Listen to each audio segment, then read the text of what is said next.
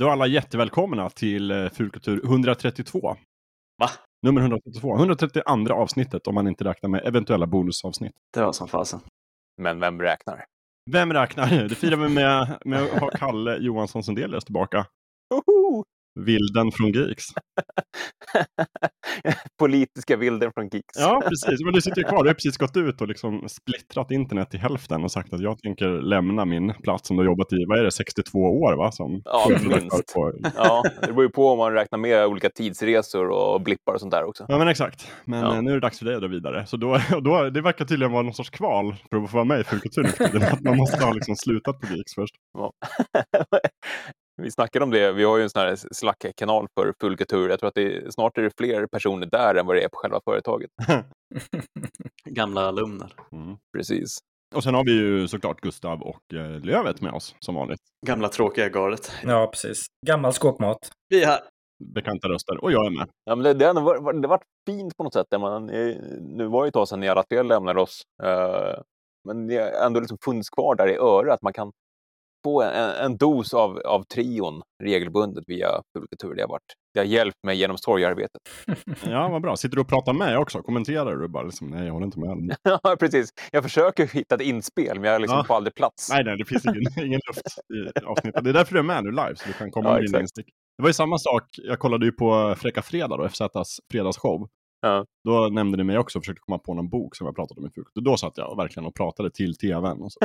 Jocke och Kalle så bara, era jävla idioter. Den heter Universums öde, Georg Johansson.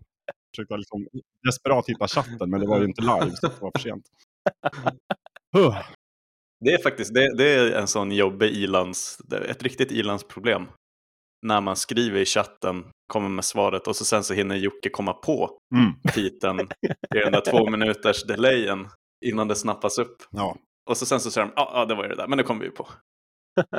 Precis så är det. ja, den här gången ska vi prata om Marvel Cinematic Universe som vi utlovade förra avsnittet. Eh, fokus på fas 4 då, som nu har dragit igång det här året. Eh, men jag tänkte som vanligt, då, alla som har lyssnat på Struktur vet att vi börjar alltid med att gå varvet runt och berätta hur vi mår och vad vi har gjort, sett, hört, spelat sen sist. Och då tänkte jag, Andreas Eklöf, du har inte sagt så mycket ännu. Du får börja. Ja, Välkommen till podden. tack så mycket. Eh, och det är som vanligt så har jag tittat på en eh, skräckfilm. det känns som att det det, det de senaste tre avsnitten tror jag jag pratat om skräckfilmer. Det är det du gör. Eller mer till och med kanske. Eh, och det jag tittar på är en film som heter En klassisk skräckfilm på eh, Netflix. Eh, och då kan man ju säga, okej, men vilken klassisk skräckfilm? Nej, den heter faktiskt En klassisk skräckfilm. Eh, Mm. eh, när, när jag såg den listan tänkte jag så bara, vad fasen, mm, vad, vad heter filmrackaren då? Du gick in och läste, man, nej, den verkar faktiskt heta En klassisk skräckfilm. Jag tänkte bara, det, det här, eh, det, det brukar ju vara ett varningens tecken om någon, någon en film försöker utge sig för att vara någonting. Eh, det är som att de inte riktigt har förtroende för produkten så att de försöker lura eh, tittaren. Eh, men jag började titta på den och det, den är faktiskt, eh, och det, det är en, det är en, en bra italiensk skräckfilm. Eh, med italienskt tal, så de har inte försökt tvinga på dubbning heller, vilket är alltid uppskattat. Eh, och jag ska inte avslöja någonting om handlingen, men eh, om, om, om ni gillar eh, en, en, typ, en typ klassisk. Eh, det finns element med den som jag inte tycker är helt klassiska. Men, eh, men om man gillar italiensk skräck, skräckfilm så är, är den helt klart sevärd. Eh, och jag, jag har också landat i att om den inte hade hetat eh, något så udda så hade jag kanske bara scrollat förbi den. För Netflix släpper ju ändå en jädra massa material. Och jag, jag tittar ju inte på en, en liksom promille av det. Så hade den haft en vanlig skräcktitel hade jag kanske inte ens reflekterat över titeln. Så ur ert perspektiv var det nog ett, eh, ett smart beslut faktiskt. Ja. Men den levde upp till titeln i alla fall. Ja, ja mestadels. Eh, det, det fanns saker mot slutet och sådär som jag inte var eh, helt förtjust i. Men det är snyggt, snyggt och bra stämning och vissa, vissa delar påminner lite om Midsommar faktiskt. Eh, blev lite överraskad över. Eh, men eh, rekommendation ändå om man gillar den sortens eh, skräckfilmer. Och sen har jag spelat eh, Ratchet Clank Rift Apart. Oh, Vilket är fantastiskt mysigt och snyggt och roligt och allt möjligt. Eh, så en, det är för den som äger en eh, Playstation 5 och kan uppskatta humoristiska eh, actionplattformar så ja, det är två tummar upp på den. Mm. Ja. Det var det, vad härligt. Mm. Kalle då? Vad har jag spelat och sen sist? Ja, när var jag med senast? Två och ett halvt år sedan? ja, men, Nej, jag vet inte. Men jag, någonting, det Nej, känns... men jag tror att senaste avsnittet Kalle var med i var eh, Vilda Västern. Ja, det var ett tag sedan. ja det, det var ett tag sedan. Mm. Du får väl du får göra ett urval då kanske. Ja, men jag, jag, vad har vi kollat på under sommaren här? Men Mayor of Easttown, asbra. Mm. Uh, Friends Reunion, så cringy som man slutade kolla. Uh, Handmaid's Tale, uh, sista säsongen var ändå bättre än tredje säsongen. Det var ju imponerande. Uh, Rick and Morty senaste säsongen, asbra. Det känns som att de är inne i ett litet flow. Uh, oj, så, så mycket bra grejer. My- Mycket serier, my- mycket serier nu på sommaren. Mm. Och vad har man spelat? Uh, Chivalry 2, medeltids... Vi skulle haft Anton Fast här, vår gamla Geeks-kollega. Man, man springer runt med, med Hillebards och uh, morgonstjärnor och, och slår av uh, folklämmarna på Mont Python-vis. Oj då. Uh, och sen i höstas hade jag ett långt, uh, en lång serie med, med Playstation-spel. Med God of War och Last of Us 2 och, och grejer. Så att det, fast jag inte är med i fulkultur så är fulkulturen i mig. Kan man Mm. säga. Mm. Det låter tryggt. Den gömmer sig i skägget. Ja, den gömmer sig i skägget.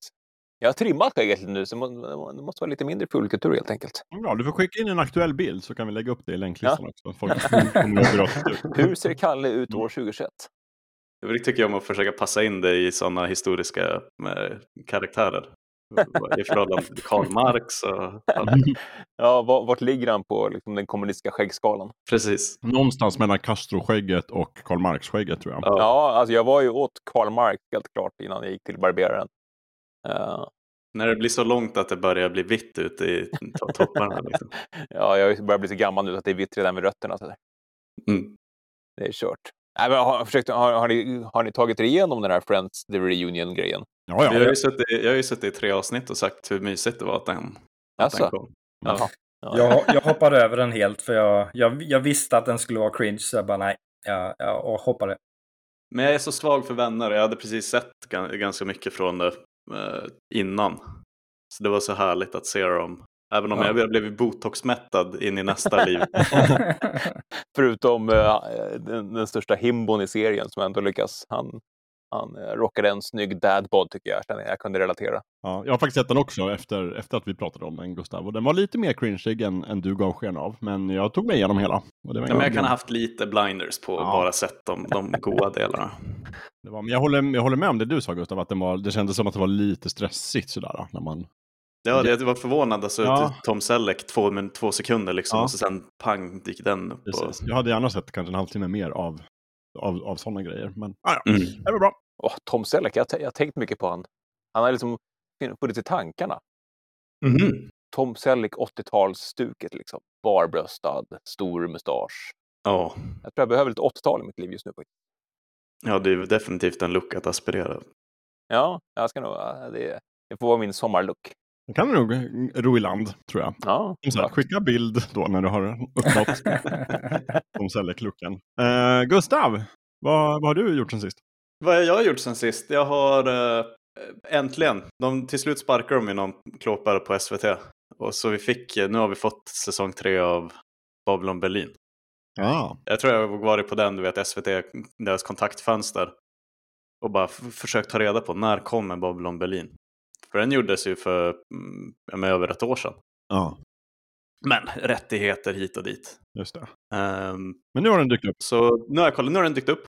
Eh, bara härom, härom senast. Så jag har kollat på fyra avsnitt av sex. De gör samma sak igen.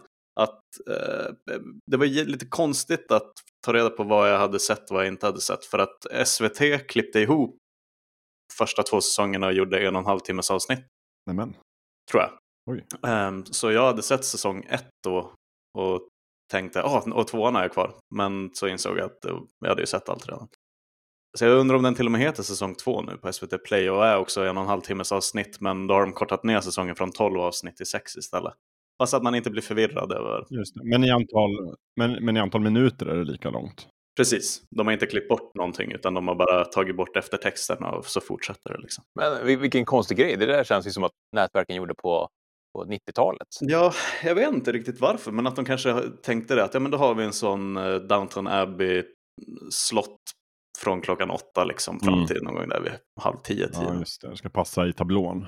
Exakt. Eh, Det var ingenting mig emot heller när det inte är någon reklam, att bara få sitta och njuta av ett sånt i en halvtimmes. Det är ju mustigt. Eh, Men jag tycker alltid det är så konstigt när de gör så här, för att narrativet blir lite lidande. När de ändå gjort så här, har de ju planerat serien för att det ska vara x antal avsnitt som är så här långa. Ja, Det är precis som, eh, det är precis som de här fantasyböckerna, oftast när de engelska fantasyböcker som oftast är väldigt tjocka, så hade ju, när de översatte till svenska så brukade de oftast delas upp i två böcker.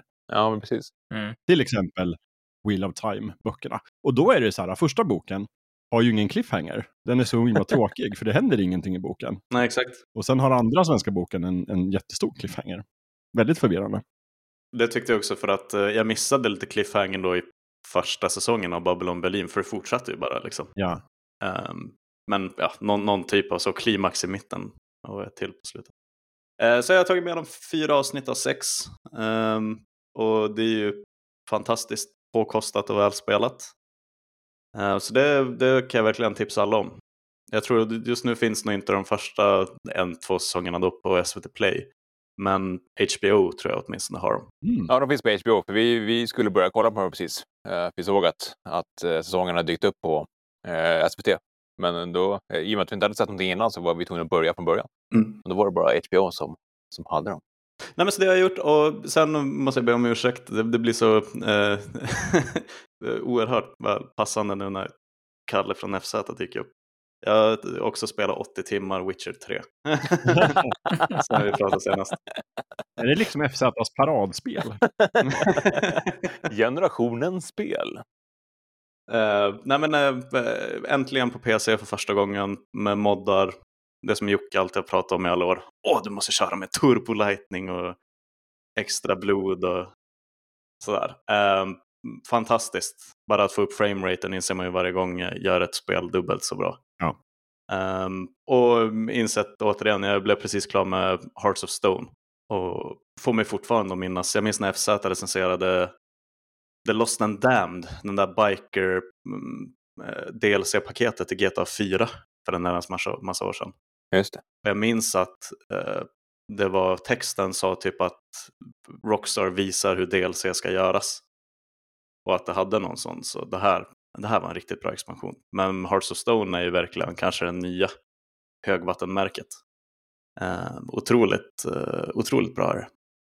Mm. Jag vet inte, Kalle, nu när du hade din sån Witcher Alltså jag är ju klar med Heart of Stone och påbörjat eh, Blood and Wine. Men nu sitter jag och väntar på Next Gen-patchen till eh, Xboxen. Mm. Det var faktiskt det jag tänkte göra, att jag tror jag ska spara Blood and Wine den här gången och sen köra då Complete Edition-grejen där. Men eh, ja, det, det är så härligt också för man kan ju, man kan ju starta en ny sparfil direkt på Hearts of Stone. Ah. Direkt level 30 eller något sånt där. Och det är lite mysigt så kan man, om man bara vill ha den där, liksom eh, self-contained heter det ju på engelska. Jag har inte varit rädd på att stå på egna ben, eh, den storyn. Mm. Fri, fristående, Fristående, tack. mm. brukar man säga. Eh, ganska så fristående. Ja. Eh, jag tycker verkligen om den, den storyn och karaktärerna. Så det har jag gjort. Ja, du har gjort. Ja. Eh, jag, har, jag, har kollat klart på, jag har kollat på Mayor of Easttown också nu. Jättebra. Och jag blir så avis. Även om jag, jag tror ändå Gustav att den är faktiskt bättre när man ser alla avsnitt i ordning. Vänta nu, har du... istället, istället för att hoppa in i näst sista sådär av misstag och börja kolla där. Jag råkade ju börja på avsnitt 6 och såg hela avsnitt 6. Innan jag fattade vad jag hade gjort. Ja. Ja, det, det, är, det är ju verkligen en säsong som byggs. Alltså halva nöjet är just uppbyggnaden till... Ja, det är en fenomenal uppbyggnad. Det är liksom Ja. avsnitt 1, 2, 3, 4. Och sen händer det Ja. mycket avsnitt 5 och sen avsnitt 6. Liksom, ja, okej. Avsnitt 6 är ju verkligen efter klimaxet Ja, på något sätt. exakt. Ja, det var jävla dumt av mig. Jag vet inte om jag har sagt det, men eh, jag tittade ju på avsnitt 1 till 6 och, eh, och jag började eh, ganska långt efter den hade börjat. Så jag tänkte att ah, okej, men nu är, nu är alla avsnitt ute så nu tittar jag på serien. Jaha. Och så såg jag avsnitt 6 och tänkte bara, ah, ja okej. Ja, det, det var ju det slutet. Ja, de kanske bygger upp för en andra säsong. Och så, så, så, så öppna upp, eh, öppna upp HBO och så bara, men, men vad fan, det är, ett, det är ett nytt avsnitt där. Avsnitt Men alltså. Jaha. Gustav och Andreas, vad, vad dåliga ni är. Kan ni inte kolla ordentligt? så bara, ja men det här var ju ett riktigt slut. Ja, men vad bra. Ja, jo. Det kan vara ett fantastiskt slut. Jättebra serie i alla fall. Förtjänar alla Emmys och sånt som Mm. den har fått. Eh, Absolut. suveränt. Så är det faktiskt. Sen har jag ju, för ett tag sedan började jag ju spela Witcher 3. Just det. Eh, jag är ungefär kanske en fjärdedel in. Men jag, nu har jag tagit en paus. För jag har ju, tänker också vänta nu till nästa konsolgeneration. Mm. Eftersom jag, jag köpte faktiskt ett Xbox här för några veckor sedan. Oh. Tänkte jag ska bli en Xbox-kille. Eh, Vilken, vilken variant? Ja, men jag gick på det här, jag gick på, köpte den lilla, Series S, för att jag tyckte den var så himla gullig. Och tänkte jag, det här ska bli min sån här Game Pass-maskin. Ska jag testa det här med spel som tjänst och streaming och så vidare.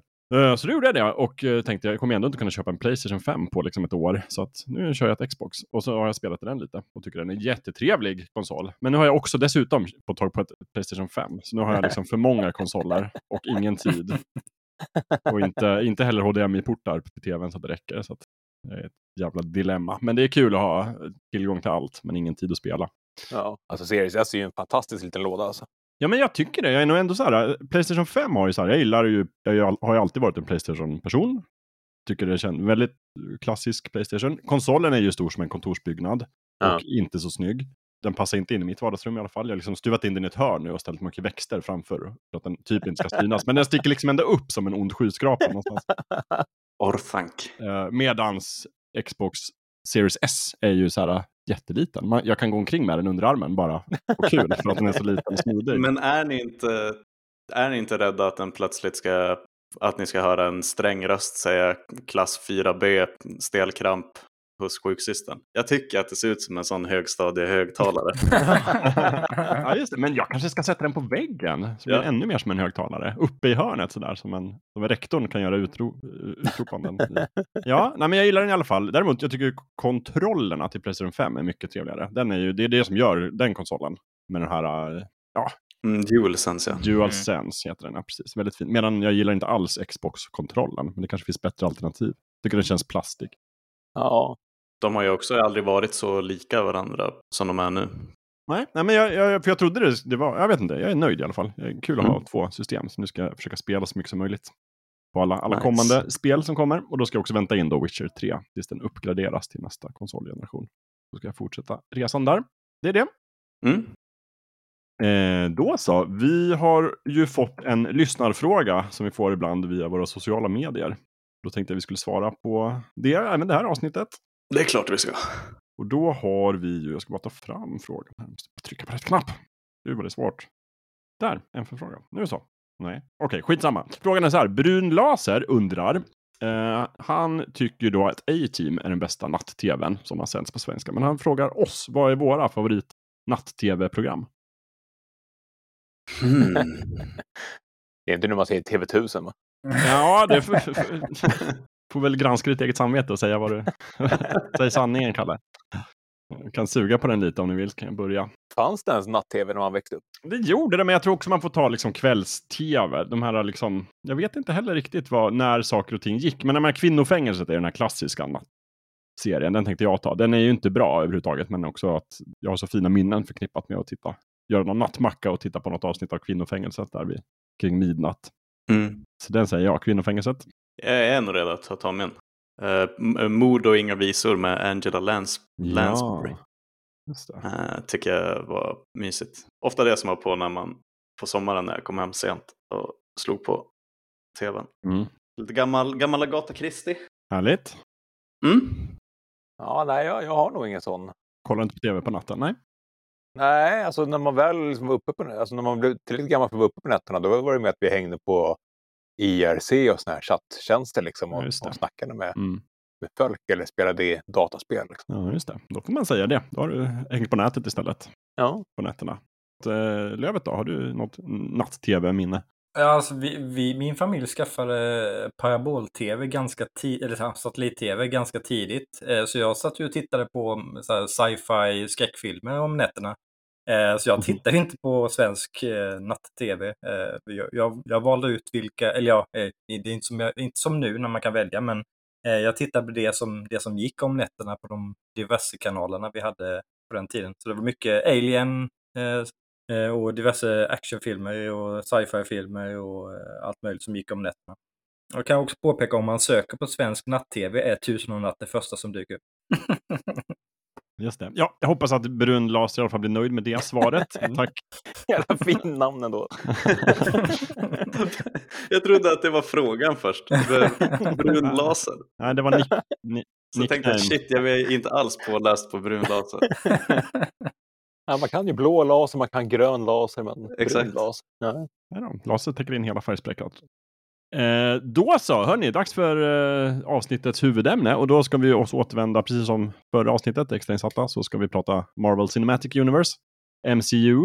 Eh, vi har ju haft en liten, liten paus nu innan eh, det här året, efter att den sto första stora egentligen, fas 1, 2, 3, delades in i den här stora, gigantiska Infinity Saga. Alla i hela världen kollade på Avengers Endgame och eh, vi har följt liksom, är Thanos och det är Infinity Stones, Avengers och alltihopa. Nu har den varit över.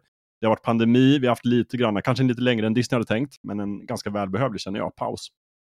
Um, Spindelmannen, Far From Home kom som en, någon sorts epilog till den där. Men sen det här året har vi fått tre tv-serier på Disney Plus och Black Widow har precis haft premiär. Den pratade vi om förra avsnittet. Uh, det kommer ungefär en miljon nya tv-serier på Disney Plus och dessutom en, ett gäng filmer är nu på gång. Så nu är vi liksom inne i det här eh, MCU-tåget igen. Och då tänkte jag att det här avsnittet så ska vi reda ut lite grann vad känner vi för de här nya tv-serierna och kanske vad är, vad är känslan för MCU nu? För vi är lite olika. Vissa av oss har ju varit med 100% från början, som jag till exempel. Uh, andra har hoppat in lite så här motvilligt, nästan dragits in i MCU-universumet som eh, kanske dig Gustav. Hands up. Yep. Yes, men eh, jag tänker vi kör en runda först och säger så här bara vad, vad har vi för förhållande till MCU 2021? Mm. Ska jag börja då, jag som är skeptiken? Gör det, och du är dessutom yngst. Uh, nej men uh, det, det jag tycker är härligt med fas 4 att det blir första fasen när jag är med från start. Mm. Jag var ju motvilligt, tyckte om Iron Man jättemycket första, som alla andra. Uh, men kollade inte alls på så många där i första fasen. Thor 1, 2, uh, ruttnade också lite på Iron Man med 2 och 3 Så jag var liksom inte inne i det här tåget och tyckte att det var töntigt att de skulle vara i varandras filmer. Och...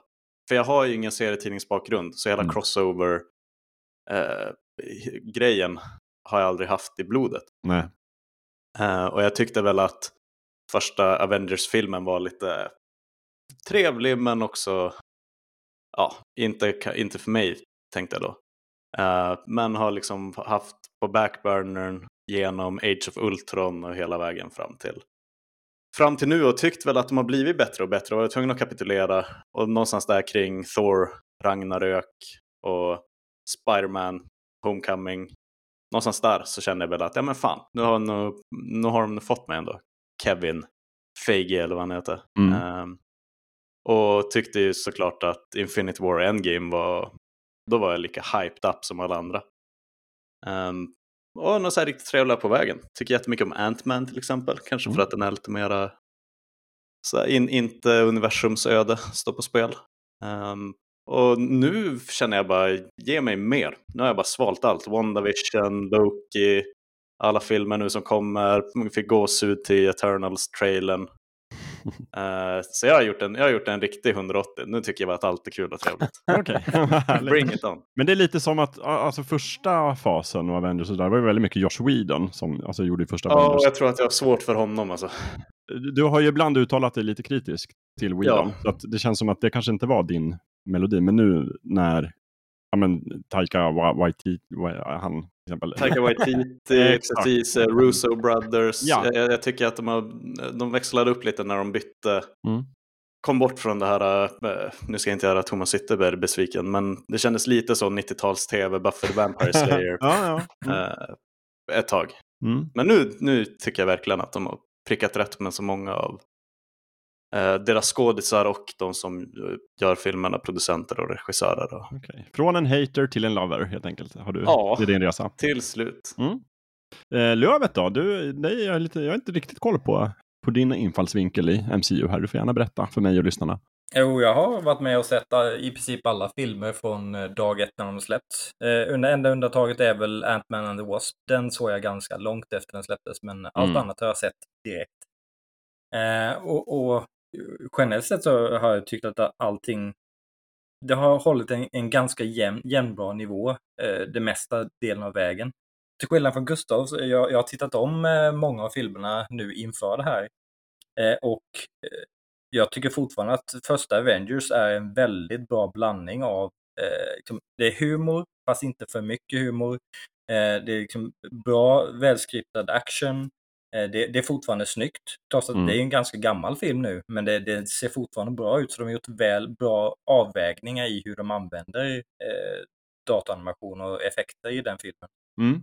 Eh, och och liksom den, den humorn som, som, som Gustav inte kanske är lika förtjust i, det, eh, det, jag, jag tycker de får till en bra balans där. Eh, och, och jag har också omvärderat eh, Age of Ultron. Eh, när jag såg den första gången tyckte jag inte alls om den sådär jättemycket. Eh, och den, den fick ju ett sämre mottagande och det, Whedon hade väl en del dispyter med Disney om, om just den produktionen. Mm. Eh, men nu när jag såg den igen så ty jag tycker ändå den håller ihop och den, den, den knyter an till andra delar i MCU-universumet på ett ganska snyggt sätt. Nu när jag nyligen såg Black Widow och, och kan, kan gå tillbaks till Age of Ultron som ändå är, det är en relativt gammal film vid det här laget. Och eh, när de pratar om eh, Red Room och eh, hur hon Black Widow steriliserades som en del av det här programmet. Och, så, här många år senare, visst, det, det, det skulle ju inte bli riktigt så här sent, men den filmen kom ändå så här många år senare och det knyter ändå an snyggt till en av de äldre filmerna. Jag tycker de, de Kevin Feige ska ju ändå ha en, en rejäl ryggdunk och en high five samtidigt. Eh, för för hur, hur det här har knutits ihop. Sen finns det filmer jag fortfarande inte tycker är jättebra som eh, Thor 2. Eh, eh, den, den är fortfarande lite så här halv, halvdassig. Men, men överlag, det är, det är inte många filmer jag... eh, Det är ingen film jag tycker är så här direkt tvärdålig. Jag var inte så Mm. jätteförtjust i Iron Man 2. Jag gillade Iron Man 3 ännu mindre, men det är ändå liksom habila MCU-filmer.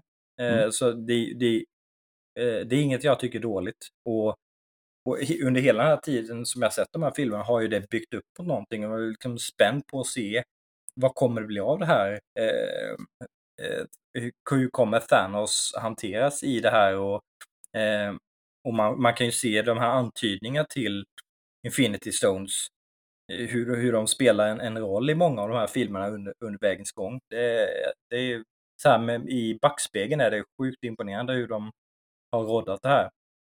Och med, med fas 4 så känner jag inte att, nu, nu är vi tidigt i fas 4, men jag känner inte att jag, jag är spänd på att se vad det är på väg på samma sätt som jag var med fas 3.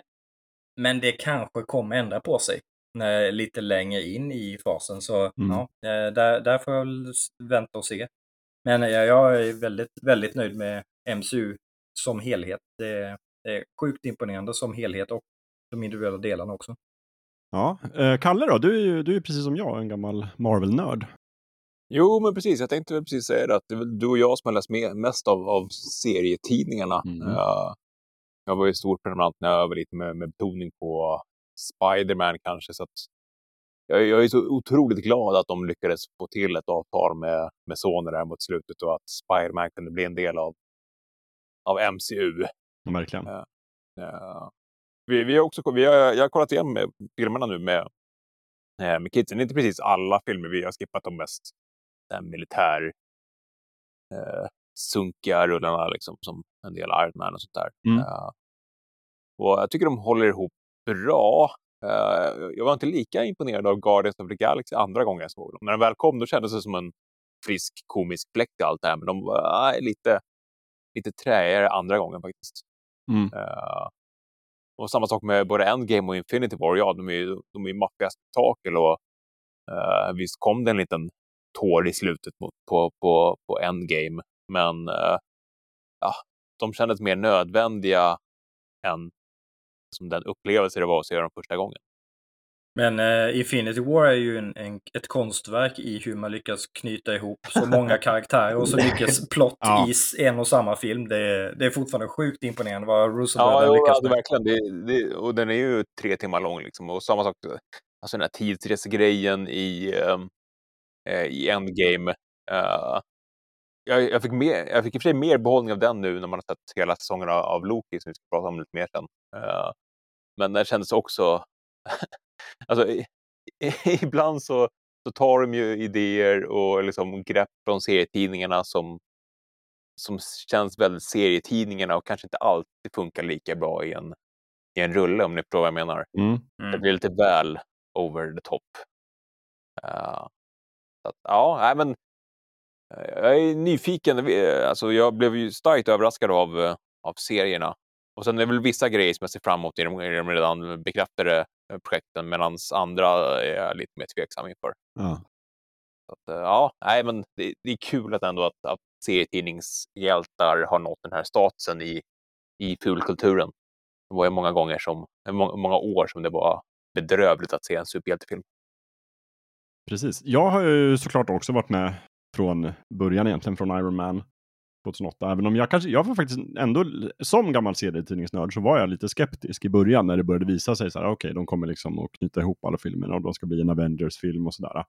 Uh, jag var väl försiktigt entusiastisk, men tänkte ändå så här att det här kommer nog inte passa sig som, som biofilmer. Mest för att jag också har liksom minnen från så här hur superhjältefilmer brukade vara innan. Att de var så här, för det första var de helt fristående, och man skulle alltid ha med liksom en origin story, det skulle alltid finnas en skurk. Det började kännas väldigt gjort.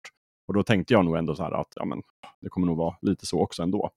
Det kommer inte hålla. Men, men det jag måste säga är ju att jag är väldigt imponerad över, precis som, som du sa Lövet, att de har ändå knutit ihop allting väldigt bra. De har visat väldigt mycket respekt för liksom, kontinuiteten, karaktärernas bakgrund och sådär. De, de försöker verkligen att inte liksom, bryta mot det de själva har etablerat. Och jag menar, det är ju, det är ju lätt om, om man skulle göra ett fel någonstans på vägen att eh, få panikreaktion och göra någonting annat som DC har gjort med sina filmer. Men det har de ju verkligen inte gjort. Eller Disney och, Star Wars. ja, jo, förvisso. Jag tror det är nog ett mått av det också. Att, man just, att, att de håller ihop det så väl trots att det är så stort. Mm. Kanske att man när man har sett Star Wars insett att Nej, de lyckades inte hålla upp en trilogi ens. nej, Nej. exakt. Men, men jag tänker att en av, där måste man också ge ganska mycket cred till liksom just Kevin Feige, som är den som verkligen har haft den här övergripande makten. Mm. Och plus kanske att han har haft väldigt mycket seriestories att ta från, så att han, han kan plocka där. Mer än, I Star Wars måste de liksom hitta på eftersom mera. Det blir nog lättare att man glider ifrån. Eh, Men jag, jag tycker att de har gjort ett bra jobb och jag blir liksom mer och mer förtjust. Det var väl egentligen där under fas 2, alltså typ när de släppte Avengers 2, Age of Ultron, precis som, som du Lövet så var jag inte förtjust i den i början. Och tyckte kanske att Tor 2 är väl den svagaste och det, liksom, det var lite sådär. Men jag drog också igenom alla filmerna eh, nu i, tidigare i år, egentligen. eller förra året var det nog faktiskt. Jag hade mycket tid. Eh, jag tycker att det, det håller ändå. Det går liksom snabbt att kolla igenom dem. Och det, man märker ju hur de har byggt upp till de här olika liksom, klimaxen. Alltså först, första Avengers-filmen är ju liksom det stora klimaxet med det här slaget om New York. Och sen utforskar de lite grann konsekvenserna av det i några kommande filmer. Precis som de gör nu med den här stora eh, Avengers Endgame, alltså blippen. Nu handlar ju väldigt mycket om så här, världen efter blippen och sådär. By the way, vi kommer spoila alla Marvel-filmer. Det Om det är någon som inte har sett alla 27 projekt kommer vi spoila. Alla 23 i fas 1, 2, 3, 4, eller 1, 2, 3 och sen även tv-serierna. Någonting som också kan vara värt att nämna innan vi går vidare är ju att eh, jag ble- blev förvånad nu när jag tittade om många av filmerna att hur jag, jag mi- minns ju att John Favreau var inblandad i vissa Mm. filmer, men han har ju varit inblandad i ganska många av MCU-filmerna. Antingen som regissör eller producent. Verkligen. Och nu är ju han den stora räddaren för Star Wars. eh, Så eh, det, det, är, det är inte bara Feige som har varit eh, en nyckelspelare i MCU. Nej, verkligen inte. Han, jag jag skulle precis säga det, att John Favreau, han regisserade ju första Iron Man. Mm. Och, Mm. och det får man säga att en, en av de grejerna som Disney gjorde rätt är att de har valt väldigt bra re- regissörer. Mm. Alltså Fa- Favreau och liksom Russo-bröderna, James Gunn, eh, Kenneth Branagh har ju regisserat Thor-filmen också. Just det. lite, lite så här roligt val. Men överlag tycker jag att de har klarat det. Sen har det blivit en del konflikter med de här regissörerna som har velat sätta för mycket av sin egen stämpel på filmerna. Mm. Men det verkar ju som att de har hittat någon form av ja, om man gör en Disney Marvel-film så vet man någonstans att man kommer göra en Disney Marvel-film. Och då får man sätta en del av sin personlighet i det, men överlag så måste det passa ihop i det stora. Eh, och det känns nu inför den här fasen, jag är faktiskt väldigt pepp. Jag, jag tycker det var skönt med en liten paus, ska jag säga, under pandemin efter Mm. Infinity War. Jag behövde liksom vila lite och så här, okej, vad händer nu? Men nu är jag redo. Det är jättekul med de här tv-serierna. Lite kanske oroad för hur, typ, det känns som att de har växlat upp nu i saker de ska försöka knyta ihop med varandra. Eh, Men det känns också som att Disney har väldigt mycket självförtroende i att de kan göra det Mm. eh, med det här Marvel-projektet. Och jag menar, en del av trailersen, jag vet inte vad, vad storyn är den här gången. Om det finns en övergripande story som Infinity Stones i den första akten. Men eh, man har fått lite så här ledtrådar i Loki och de andra serierna, så att vi får väl se. Men jag är, jag är fan med på tåget, jag är pepp och tycker det är kul. Och även, även om vissa filmer är sämre än de andra så är det nästan aldrig liksom, man, man har alltid en trevlig stund. Jag undrar också om eh, Black Widow, det gick ju jävligt bra i, eh, för den filmen på, eh, på bio och på Disney+. Plus. Ja, Och jag funderar på, jag, jag kände ju när jag såg den att hade jag sett den kort efter eh, Endgame släpptes, då var jag lite mätt på hela MCU. Mm. Då hade jag nog inte varit lika, eh, li, lika imponerad av den. Men den kanske hade gått jättebra då också. Men jag undrar om det faktiskt eh, var till fördel för den filmen att den, den fick ett större uppehåll från MCU-universumet. Det tror jag. Jag tror att hade den släppts direkt hade nog fler känt att det var lite sån kontraktsgrej, typ att ja, men det är underligt att Scarlett Johansson inte har fått liksom en, en egen film Mm. vid det här laget. Så här har ni Black Widow. Nu kom den ju verkligen, fick mycket mera, fick andas lite. Och dessutom tänker jag också att många har liksom inte gått på bio på väldigt länge nu under pandemin. Och det här var kanske en av de första filmerna som faktiskt gick att se på bio utan problem. Så att det gav nog också lite, lite skjuts. Mm. Du har inte hunnit se den, eh, Kalle, eller? Nej, jag, och jag började lyssna på, på, på ert avsnitt här förra veckan. Och kände väl att även om det var spoilerfritt så ska jag så, så pausera avsnittet. eh, för att gå och kolla på den på bio. Eh, ja, Det låter bra. Då ska vi inte spoila den nu heller. ja jag, jag, just, att, just att Gurra sa just att det var lite Ta- Taika Waititi humor-stuk på den. Sånt gillar jag. Jag älskar ju honom. Han, eh, han gjorde ju Ragnarök fantastiskt bra. Han gjorde sitt Mandalorian-avsnitt fantastiskt bra. Så att, Mm, jag tycker verkligen att den, eh, eh, och jag, jag vet att du gillar David Harbour också från eh, Stranger Things och Mm. annat. Så det är, men det är verkligen en mix, en, ena stunden är det liksom Born Identity, ruft, och sen så Mm. blir det familjeskrattet. Liksom. Det, jag Ja. att det var en skön balans. Och Disney-sig i Bonanza.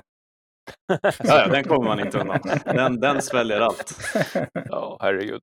Jag satt och funderade på det när jag såg Far From Home igår. Det är, det, det är inte många scener som det inte är en eh, datorgenererad eh, Spiderman i. Alltså. Nej. Nej, gud nej, verkligen inte.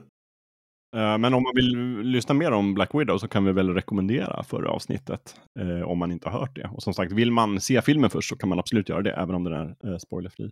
Mm. Men eh, däremot så tänkte vi kanske prata lite nu om, om de här nya Disney Plus-serierna som jag utgår ifrån att ni har sett allihopa. Vi fick, Mm. vad var det det här året? WandaVision kom kanske i december? Eller var det i januari?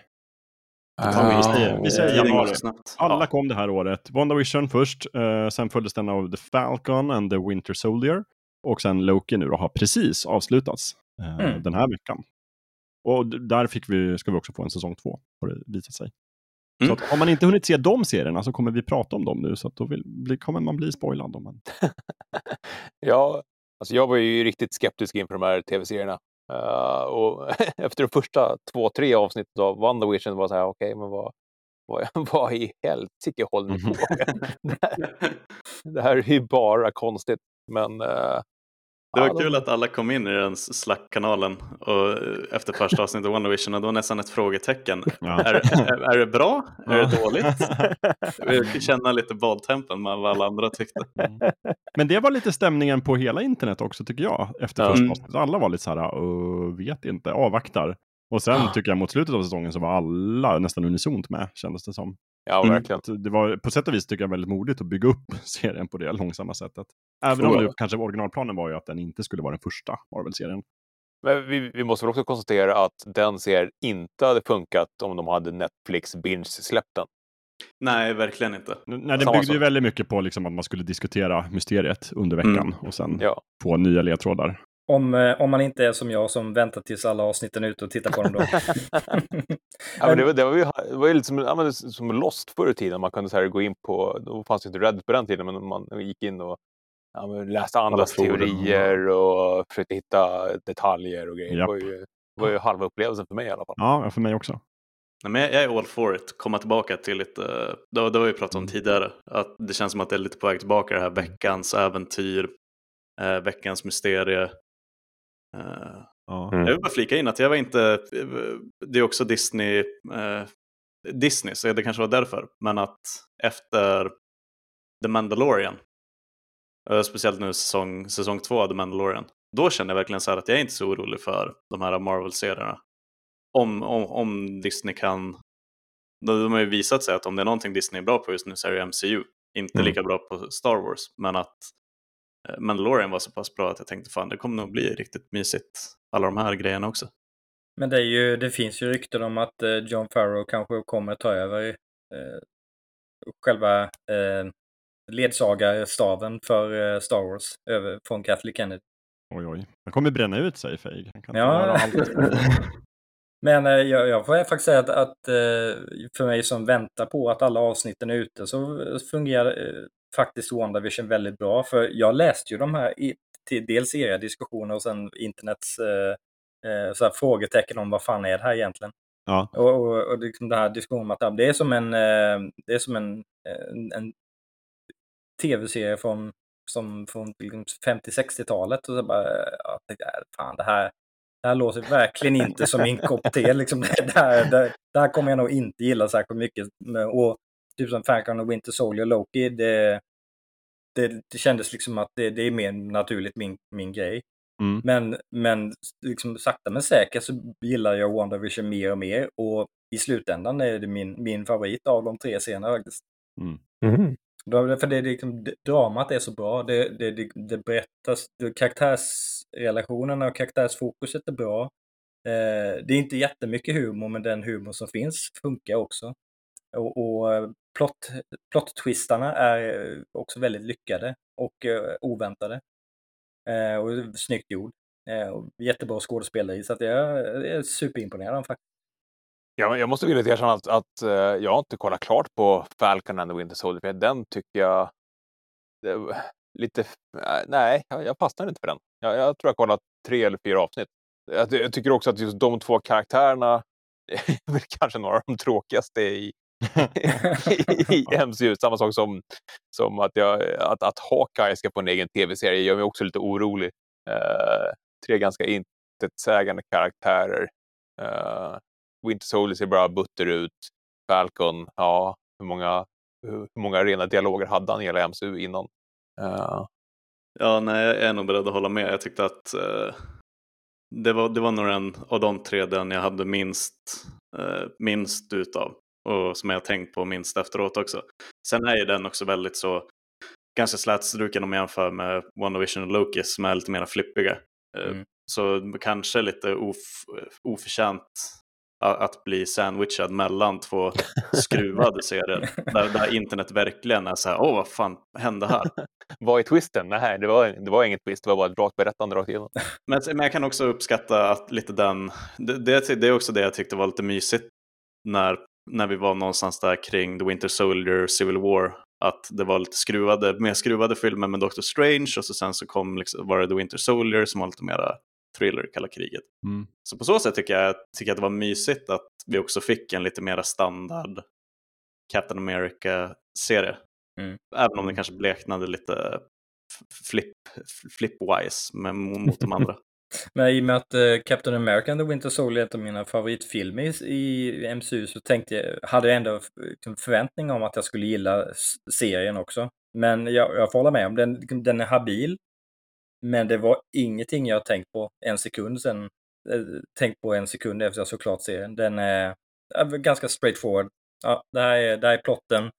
Nu avslutas den. Eh, please eh, se fram emot eh, nästa Captain America-film.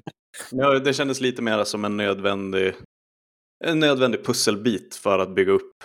Till, jag fick lite den känslan att här kommer en serie som ska eh, lägga lite grundmaterial för nästa del av Ja, och det var precis det jag var orolig inför de här serie, eh, seriesläppen också, att det bara skulle vara liksom exposition Mm. eh, avsnitt inför en film, att de skulle slippa göra alla liksom, karaktärsfilmer innan. Eh, det, det gillar jag med Loki utan att liksom, spoila att eh, den, den serien sätter ju verkligen upp för att det, det precis vad som helst kan hända efter, med, med, med säsong två. Liksom, det, det är precis vad som helst. Och det, det, den, den sortens flexibilitet är, gan- är också ganska lovande. De, de är inte bundna av några andra filmer eller serier. De kan hitta på lite vad fan de känner på. Precis, kan komma Mm. in lite i vilken tid som helst också. Sådär. Ja. Mm. Eh, Jag kan väl känna just, jag håller med, om jag ska ra- ranka de här tre serierna så tycker jag också att Falcon and the Winter Soldier var, var svagast. Jag tror att, den, att det var, hade varit en bra plan om de hade kunnat göra som de hade tänkt först, att den skulle komma som första serie. Mm. Eftersom den handlar så mycket om så här, hur- hur ser världen ut efter blippen och liksom. Mm. Och sen, jag gillar en del av den, jag tyckte inte den var dålig, men, men ja, den var lite sådär slätstruken. Jag gillar att, jag håller med kanske att karaktärerna är inte de mest roliga och intressanta, men jag tycker samtidigt att så här, om de får mer tid så tänker jag att de kan bli intressanta. Jag hoppas att, jag tänk, det känns som att det här var kanske ett steg på vägen. Mm. Jag gillade till exempel att man fick se mer om liksom, Falcons, vad han nu heter, eh, hans liksom, liv utanför superhjälte. Sam Wilson heter han såklart. Mm. Och lite sådär, så att jag, jag, jag var ändå med på resan. Och jag tycker om den här nya skurken i liksom, eh, vad heter han, US Soldier, alltså den nya Captain America. Mm. Och vad som hände med honom och sådär. Så att det fanns mycket att tycka om, men jag håller med, den var ju också lite sådär, lite mycket vapen och terrorister och skjuta och sådär. Det känns som att det var kanske ett mer slätstruket koncept än trolleri och tidsresor och gudar och sådär. Alltså. Nej men bara lite svårt att, eh, att, att bry sig så himla mycket om att det finns något super soldier serum ute på vift med allt annat som all, all skit vi har hunnit med.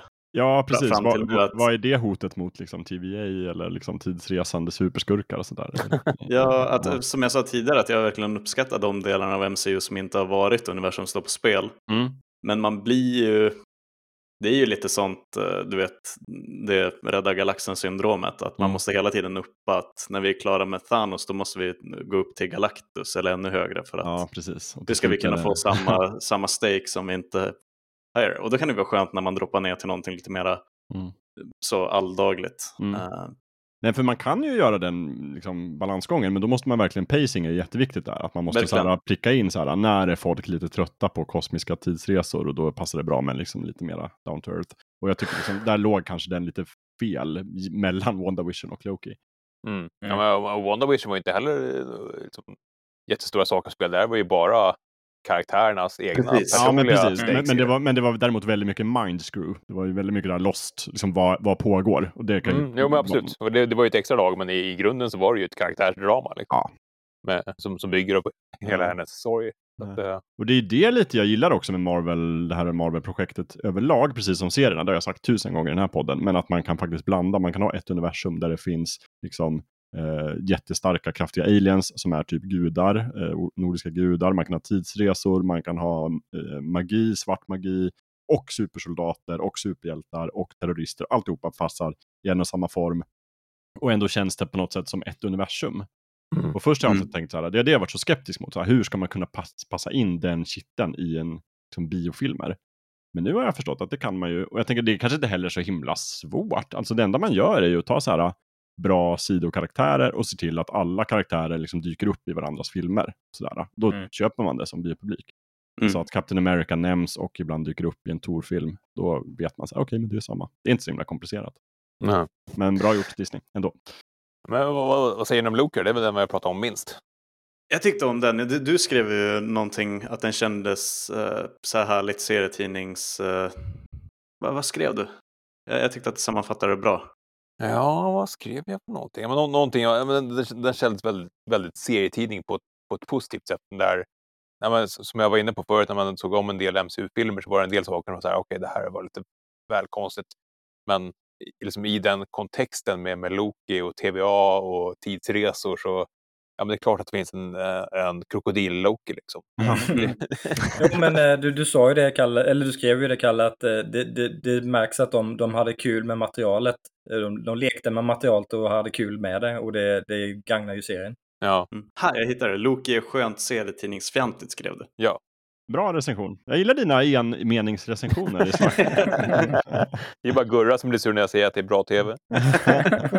Nej, jag tycker också det. Jag, det. Mitt problem med Loki var kanske lite att jag hade gärna sett typ ett eller två avsnitt till, för jag tyckte den kändes lite, lite stressad ibland med att det var så Mm. mycket som hände och det var så här uh, tusen platser och planeter och så, jag, jag hade velat se mer av så här uh, vad, händer, vad gör de på TVA och hur fungerar det och lite så här långsammare uppbyggnad. Eh, Men Mm. den var ju, det var en rolig resa och mycket pluspoäng för att Richard E. Grant får spela en gammal bitter Loki i jönsiga kläder. Det tyckte jag var helt fantastisk casting. Ja, verkligen. Suveränt.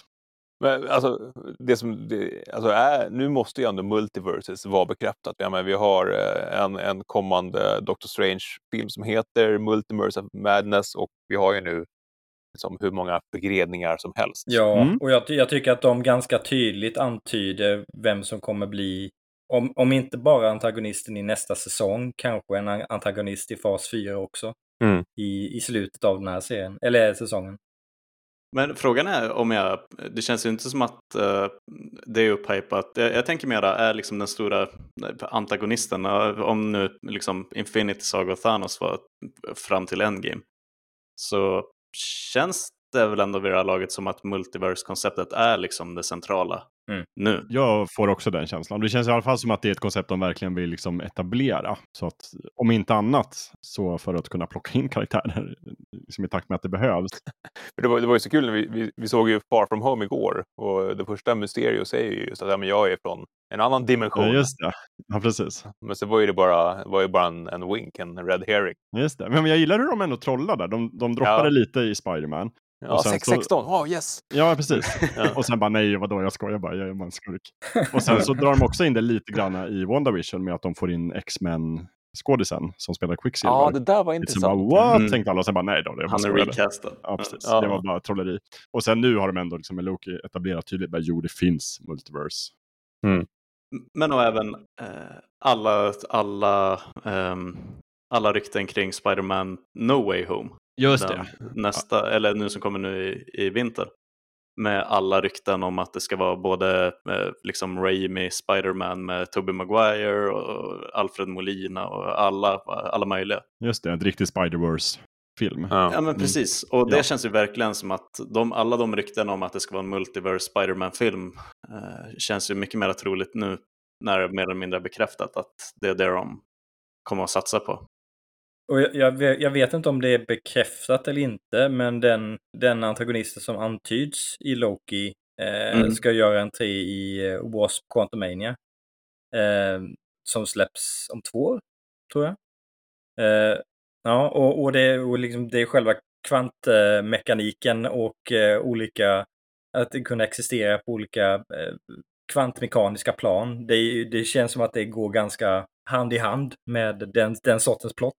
Ja, och dessutom om man eh, kollar på, jag tror det är Ant-Man and the Wasp, när de är inne i Quantumverse, så ser man i en scen så ser man en snabb liten bild av någonting som ser ut som det här slottet som de sen var i där i slutet av Loki. Så Mm. att, liksom connection. Ja. Mm. Så att jag tror absolut att det kommer få en, en viktig roll i det här. Precis som det fick det i, när, det gäller, när de etablerade det här med tidsresor och sådär i Endgame också. Precis. Men det, det känns ju som, inte som att de skulle introducera den nya liksom, fas 4 storskurken i Mobius i en tv-serie, eller?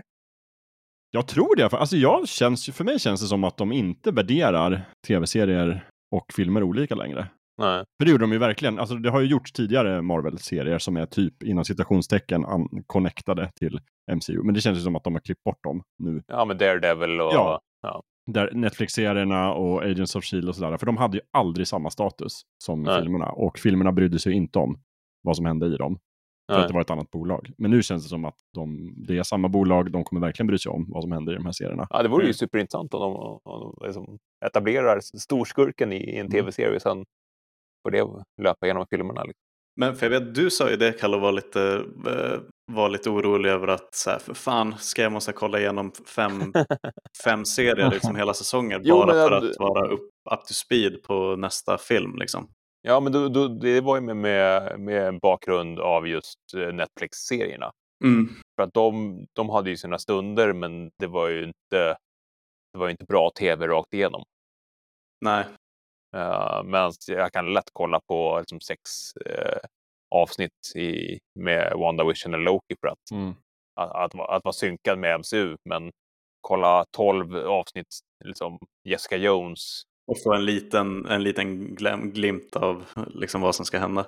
Ja, nej. Men jag tycker att man får verkligen den känslan. När man kollar på WandaVision så fattar man direkt att det här är äkta MCU. För att man får de här, äh, vad heter de, bifigurerna som är med från, Lo- från Tor-filmen. Hon, äh, ja, vad heter skådisen, Gustav?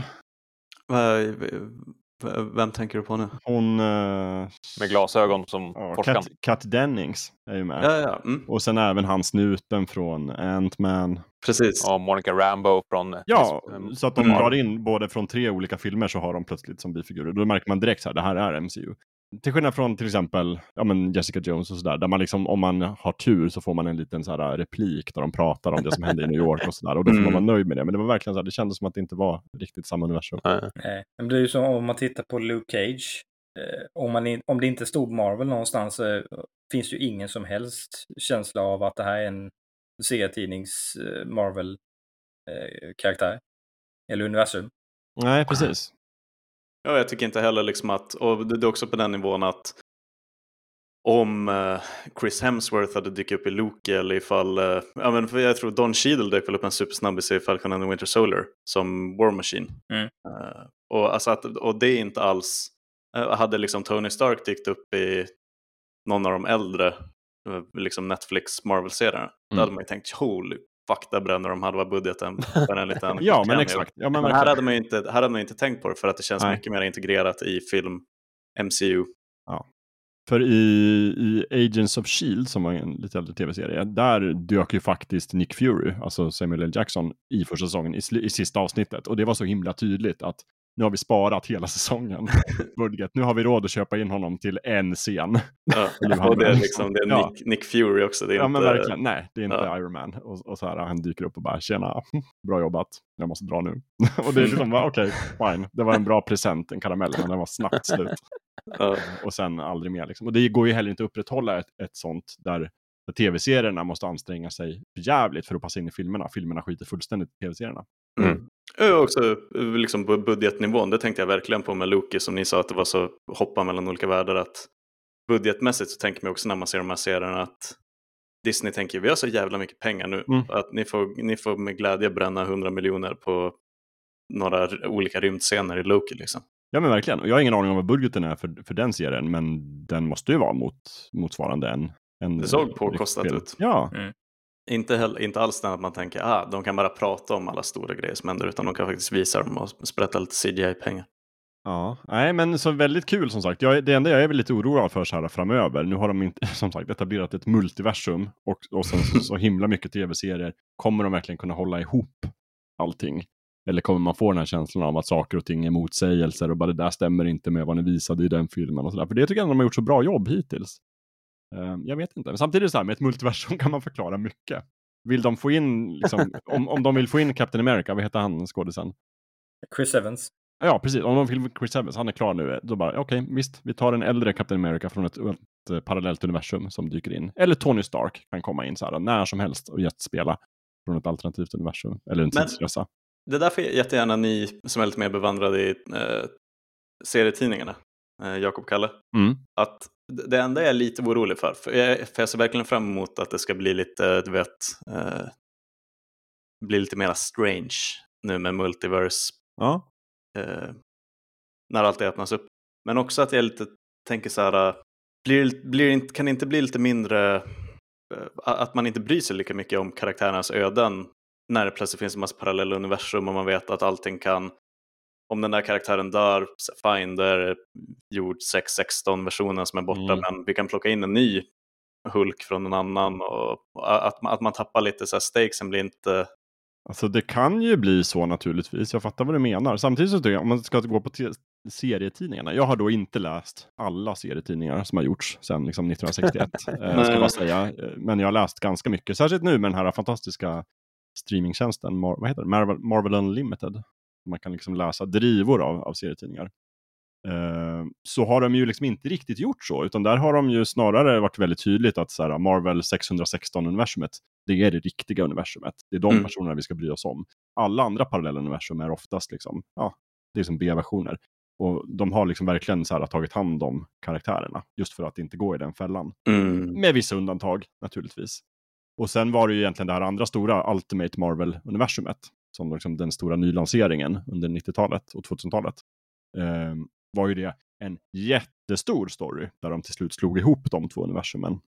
Och det tycker jag är en av de, en av de mest episka, maffiga Marvel-serier som har gjorts. Hela den liksom tog typ två år med eh, där liksom parallella universum krockar med varandra och allt, hela existensen står på spel och eh, hjältarna måste liksom verkligen göra så här, tveksamma moraliska val och, alltihopa var med. Det var verkligen fantastiskt bra jobbat.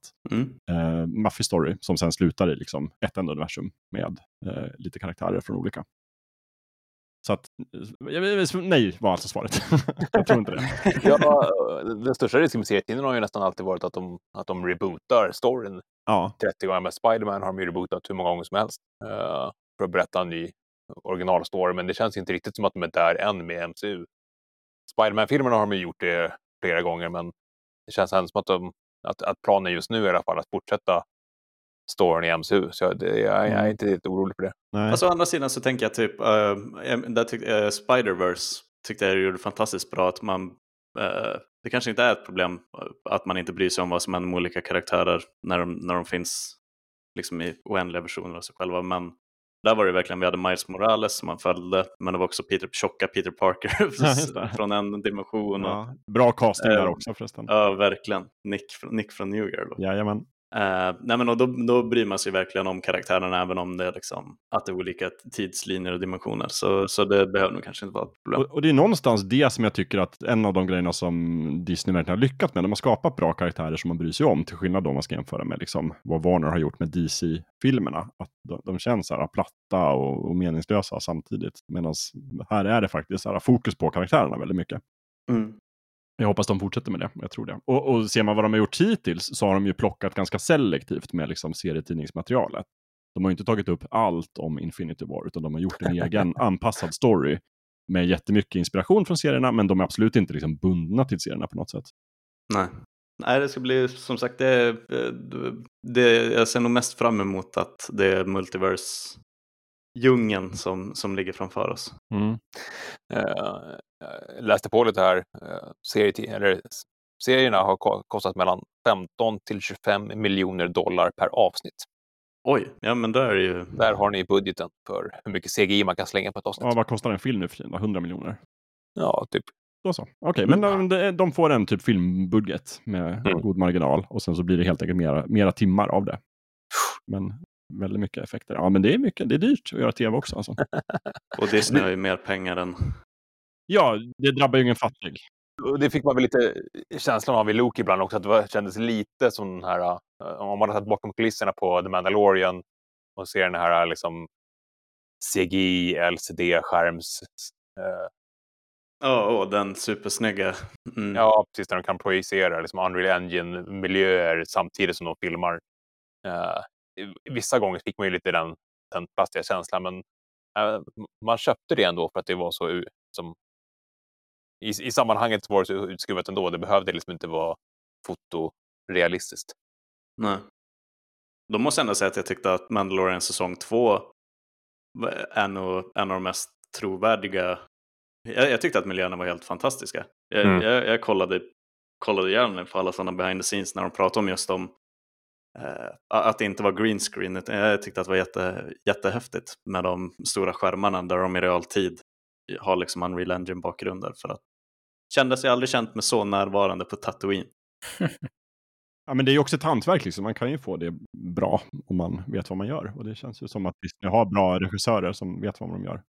Och det den här tekniken möjliggör det är ju att man har ju inte bara re- regissören på plats, man har ju AD, man har ju CGI, supervisor, man har ju alla personer på plats och kan se i realtid att äh, fasken, den här stenen, den, den funkar inte där, den här ljussättningen måste förändras. De kan ju verkligen göra sitt hantverk. De, de behöver inte skohorna in någonting eller pila till någonting i efterhand, utan allting kan ske i kameran. Vilken våt, våt dröm för George Lucas att kunna se direkt på inspelningsdagen. Bara, Men helvete vad tydligt uh, R2D2 syns. Vi måste in med en sten. Så det klickar jag kan göra på. en special edition direkt. Eller hur? Drar in stenen och täcker direkt sten. Perfekt, där har vi den. Nej, och jag, tror, jag, jag tror att det gör väldigt mycket för, för känslan. Att, Ja. det, är ett- att det blir ett mer sammanhållet hantverk. Ja. Blir inte den där när Ian McKellen sitter i full uh, Gandalf-mundering och gråter på Hobbit-inspelningen. Så det, han hade väl den, han bröt ihop och sa att det, det här var inte varför jag blev skådespelare. Sitta och, i ett grönt rum med runtlutsad av folk i sån kroppstrumpa som ska... Mm. ja, det är ju inte, det är inte liksom stora scenen på Dramaten direkt. Nej, verkligen. och ja, ja. En sak som jag kan känna lite grann med, med när Marvel blir bio och sådär med serier, det är ju att det går så fort någonstans. Alltså så här, nu är vi framme i fas 4 då, jättemycket har hänt. Om man bara tar exempel, alltså Iron Man är död nu, Tony Stark. Och då betyder ju det att han, får ald- han kommer aldrig få träffa Wolverine, för han är inte etablerad ännu i Marvel-universumet. Och sådana grejer kan jag sakna, för det har man ju alltid fått i serietidningar. Man har fått de här Mm. fristående numren där som, åh, i det här numret så är det Spindelmannen och Wolverine som har äventyr tillsammans. Mm. Åh, det är fina serietidningar. Men det är lite redan för sent nu, för det går så snabbt fram. Men vad, hur, vad är den nuvarande statusen? För att de köpte ju Fox, de köpte något mer. Så de har väl egentligen alla rättigheter till mutanterna nu, eller? Det har de ju faktiskt. Eh, Det kan finnas något så här distributionsundantag någonstans. Men i princip, i, i princip så är det ju bara Mm. tid och planering som, som hindrar dem från att trycka in mutanter överallt. Och jag är på ett sätt och vis är jag glad för att de verkar göra det långsamt. Ja. Eh, Det som är nu, det är väl egentligen Fantastic Four är ju annonserad som en ny MCU-film. Så de kommer dra in Fantastiska Fyran, dina favoriter, Kalle. Mm, i- verkligen. jag tror du kan göra det bra. Men eh, den, den eh, kommer ju i alla fall. Och sen får vi väl se. Jag tror att när de, jag tror kanske inte att de kommer etablera mutanter den här fasen. Men när de gör det, jag kan tänka mig att det kommer bli ett helt fokus i typ fas 5 eller vad det nu kommer vara. Mm. Att de kommer göra det långsamt och det kommer vara, göra en stor grej av det. Inte bara så här, nu släpper vi in Wolverine här som ett litet gästspel. Men också för att, också för att eh, X-Men har ju verkligen varit ända sedan tidigt 2000-tal med, med vissa dippar. Last Stand var väl en riktig jävla skitfilm. Men att X-Men har ju alltid varit ett sånt starkt varumärke som har stått på egna ben. Mm. Och att eh, har ju varit lite väsensskilt. Och senaste filmen, men när Dark Phoenix släpptes väl typ 20... Det är inte så jättelänge sedan den Eh, släpptes. 2019. Ja, ja men så det är samma år, 2019 är ju- det är samma år som Endgame liksom. Mm. Att de, då är de ju fortfarande, de håller ju fortfarande på, åtminstone fram tills dess, med hela Fassbender, eh, Magneto, X-Men-biten. Så att kanske ta ett break då under fas 4, sen Ja. släppa in dem när vi har glömt bort kanske lite Hugh Jackman och Fassbender och Ian McKellen. Att det var X-Men väldigt länge liksom. Just det, de, de låter X-Men-franchisen kallna lite och sen bakar de en ny kaka med nya skådisar. Dark Phoenix var inte så väl mottagen heller så de vill nog... Nej, inte, Apoca- inte, inte X-Men Apocalypse heller. Nej. Eh, var ju, så de kanske också känner nu att ja, men det är bra, nu har vi haft två lite kalkoniga X-Men-filmer, så nu kan du få vila ett tag och så sen så någon gång i framtiden kanske vi till och med vågar oss på att sätta någon ny i rollen som Wolverine. Ja. Eh, och där fick ju också Hugh Jackman lite avslut med Logan. Mm. Och den var ju också väldigt fristående, har ju ingenting med resten av Marvel att göra på det sättet. Sen får man ju se också typ med, med Deadpool och hur, hur hela, där har man ju verkligen en eh, X-factor in i Marvel Cinematic Universe. Holy shit. Ja, men ni, ni såg väl den, eh, den uh, trailern? Ja, med Korg eller vad, från... Ja, precis. Det kändes Mm. ju som en väldigt tydlig nu. Nu tar vi hem Deadpool till, till, eh, till Marvel. It's happening. Just det, och den är väl också annonserad nu, en ny Deadpool-film. Som ska passa in på något sätt. Men jag tänker också så här, äh, återigen, parallella universum. Det finns ju inget som hindrar dem från att dra in Hugh Jackman i ett härligt gästskådespel sen. Som så här åldrande Old Man Logan som bara dyker upp från ett parallellt universum. Nej, verkligen Om inte. de vill det. Ja, Mm. gud, jag nästan lite gåshud. alltså. Ja, det är det. Eh, och typ, för visst finns det, ehm, det finns väl också Deadpool-serier där han typ bara slaktar hela, eh, hela Marvel-galleriet. Eh, finns det, det finns det säkert. Det mesta har gjorts i serievärlden faktiskt. Mm, så bring it on, säger jag. Eh, Jag kan gott ta liksom att Ryan Reynolds ska runt och bara dra en massa grova skämt mot alla de här etablerade. Ge mig Ryan Reynolds och, eh, åh, vad heter han, Kalle, din favorit som spelar Hulken? Mark Ruffalo. Ja, det. ja, Ge mig de två i samma scen, det hade varit skitkul. Ja, det hade varit fantastiskt. Ja. Det är verkligen så här kul att tänka sig alla kombinationer man kan ha. Ja. Det är en ganska stor skådespelarkrets de har samlat nu, eh, Disney. Men hörni, om vi ska, liksom, nu har vi börjat blicka lite framåt. Men Mm. eh, jag har gett er en lista, den är inte komplett ska jag säga, med lite så här kommande projekt. Det finns fler. eh, som inte står med. Men vad, vad känner ni för liksom, det som komma skall? Vad är ni pepp på? Vad är ni liksom lite mindre pepp på? Du uttalade dig kritiskt om Hawkeye, Kalle. Ja, men det är bara för att den karaktären i sig är så jävla träig. Jag tror den kommer att eh, ha väldigt bra bifigurer om jag läser rolllistan rätt faktiskt. Så jag tror den kan bli intressant ändå. Ja. Ja, här är det är lite samma sak som med Falcon och Winter Soldier. Det är ju, det är ju karaktärer som man inte riktigt bryr sig om i, eh, i, det, i det stora hela. Uh, sen är jag, Eternals, jag tyckte den trailern var ganska... Den, den kändes lite... Alltså, när, när Tor var som sämst så var det ju liksom rymd, rymd sci-fi med, med asatro liksom. Mm. Jag fick lite samma vibbar av, av den. Och sen har jag fortfarande, alltså, vad heter han Game of Thrones-skådisen som är med där? Richard Madden Ja, tänker du på. Eller tänker du på Kit, både Richard Madden och Kit Harington är med. just det, båda de är med. Ja, Mm. och de, ja, deras talang är väl... Åh nej Ja. men Richard Madden, han är ju fantastisk skådis. Är han det? Ja, ja. Jag såg, jag såg han i den här uh, brittiska Bodyguard. Bodyguard. Jag tycker Ja. att han är riktigt skillad. Jag är mer rädd för att Kit Harington bara kommer ha den där ledsna valp-looken som han hade från, säs- från säsong två framåt i Game of Thrones. Ja. I don't want it. ja, men Spider-Man No Way Home som jag är fram emot. Uh, uh, det är klart. Och sen såklart uh, nya Thor-filmen med Taika Waititi som Mm. regissör. Love and Thunder. Det, det kan ju inte bli dåligt. Nej, precis. Natalie Portman är tillbaka. Mm. Ja, bara en sån sak. Mm. Eh, Doctor Strange såklart. Uh, den är nog på min topp fem av MCU-filmer ändå. Ja, jag tycker att den är skitbra. Jag såg den bara för en, ett par veckor sedan faktiskt. Första eh, Doctor Strange. Eh, det var lite synd att den kom mitt i Benedict eh, Cumberbatch hys hysteri. För att det är lite så här, eh, han har ju, det kändes som att det var svårt att inte se Sherlock i allt han gjorde Mm. på den tiden. Eh, men eh, den ser jag också fram emot. Ja. Sen Se- Secret Invasion är man ju nyfiken på. Med, med hela... Jag glömmer alltid bort om det är Kree eller om det är de andra. Som, som Är... Skrulls.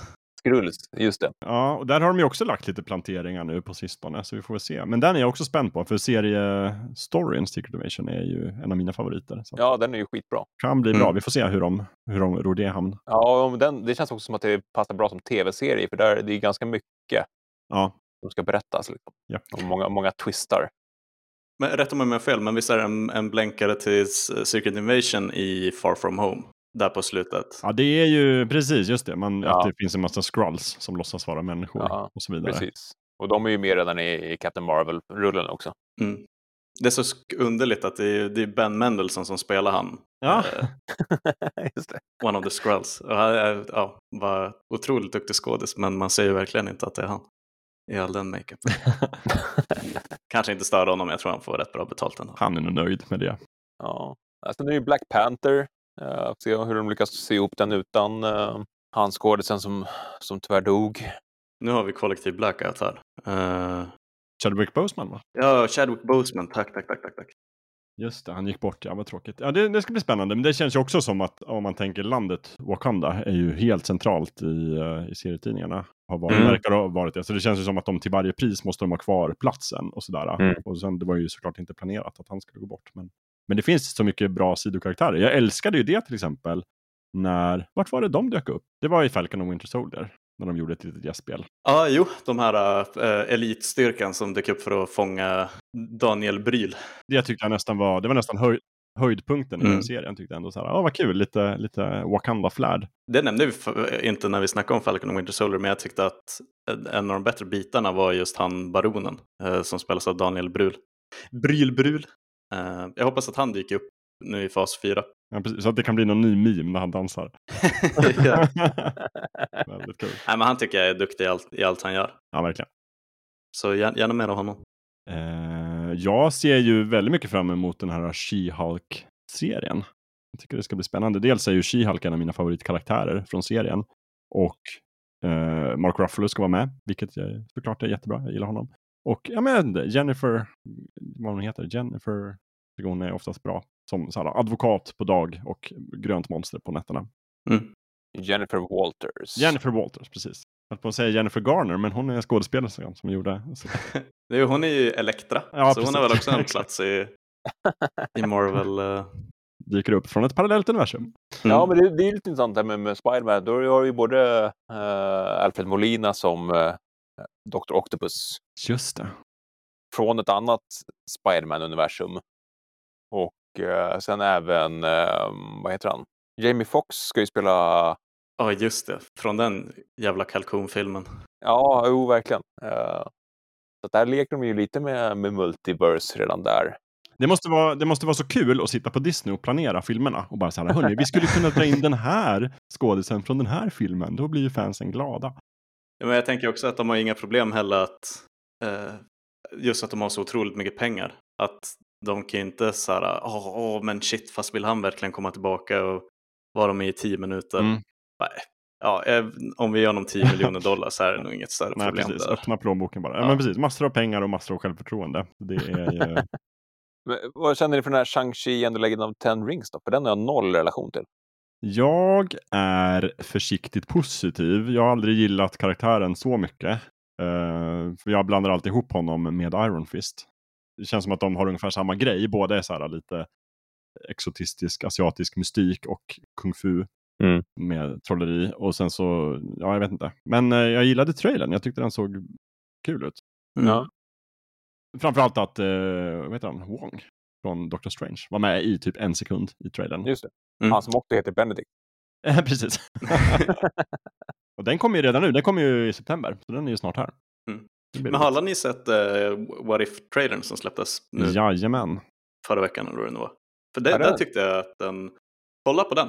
Eh, för att vara en sån lite mera, det, det är en animerad serie som ska utforska liksom alla sådana alternativa, eh, alternativa tidslinjer och varianter. Ehm, och det är också att den är narraterad av eh, Jeffrey Wright, heter han väl, alltså från Westworld. Just Ah, det.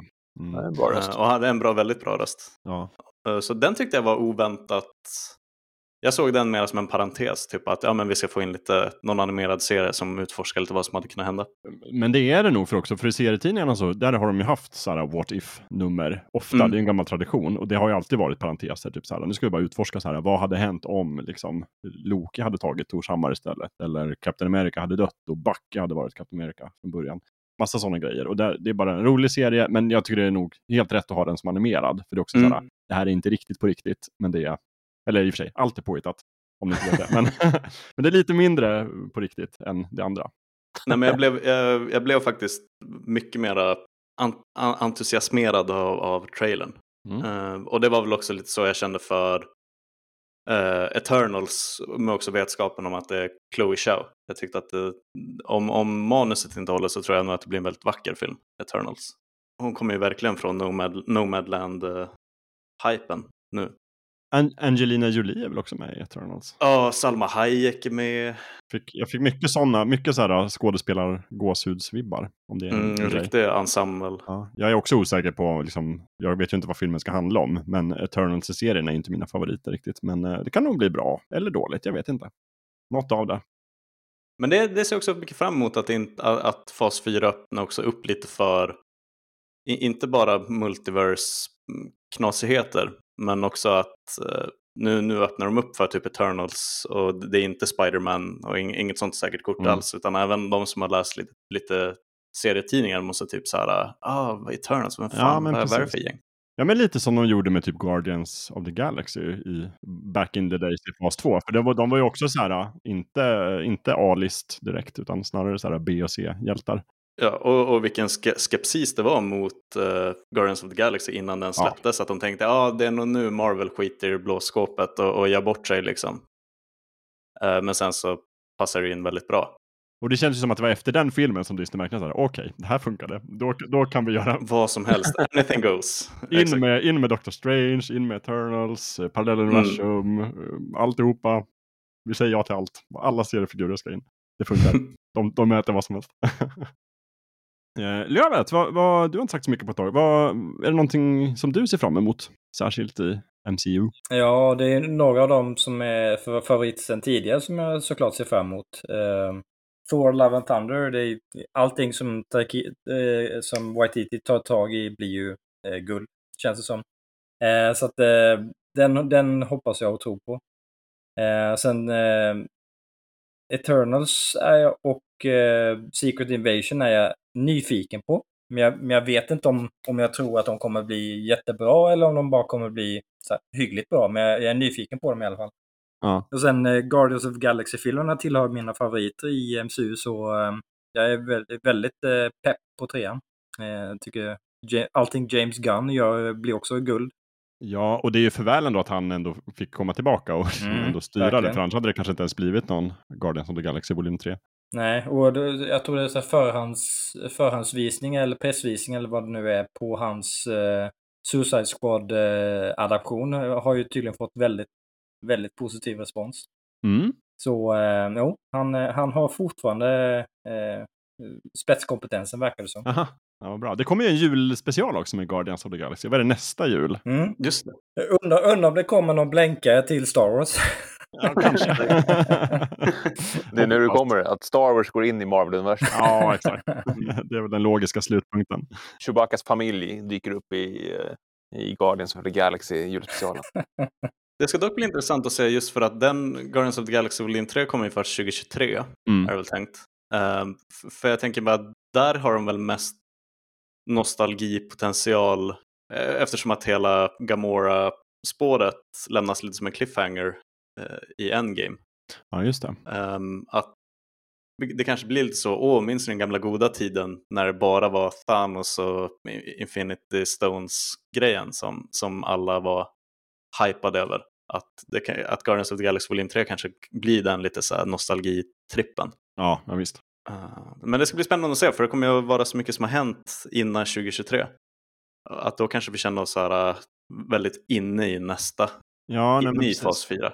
För, hela, man eller, ja, för gänget kommer också dyka upp i Thor, Love and Thunder. Ja, det, det tycker jag också är så här, lite så här snilledrag, att de blandar ihop, alltså att Thor är med i Guardians. Mm. Alltså att de, tjänar, de kan liksom verkligen dra nytta av varandra. Att de drar in så här festliga karaktärer Mm. Det tyckte jag också var en av de bättre delarna i Infinity War och Endgame. Just att se liksom, jag tyckte det var en bra mashup med eh, Rocket och Thor Mm. och Mm. Groot. Att, att, att det var dem han fick slå sig sällskap med. Liksom. Ja, ja, men exakt. Det, är det, här som, det är precis det här som också är roliga i, i serierna. Att plötsligt får man en, liksom en team-up mellan sina tre favoritkaraktärer och så bara, åh, jag har alltid längtat att få reda på hur skulle liksom deras banter gå. Mm. Om de liksom dras ihop. Skulle de tycka om varandra? De här personerna skulle hata varandra? Och så, ah, det är fantastiskt. Det är roligt. Och det kan man göra när man har liksom en sån här uh, universum av filmer och inte bara en. Och sen eh, She-Hulk är jag också eh, spänd på.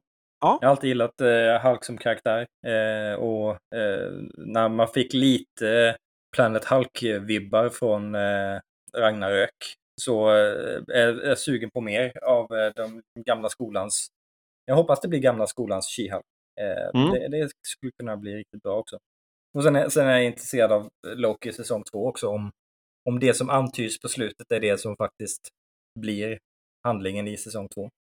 Mm, jag håller med. Jag hoppas ju, i min värld så är ju, kommer ju She-Hulk att bli liksom den här Marvel-motsvarigheten till ett riktigt ljusigt legal drama. Att det ska bli mycket så här drama fast med She-Hulk. För det är det hon är. Objection or smash! Ja, men verkligen.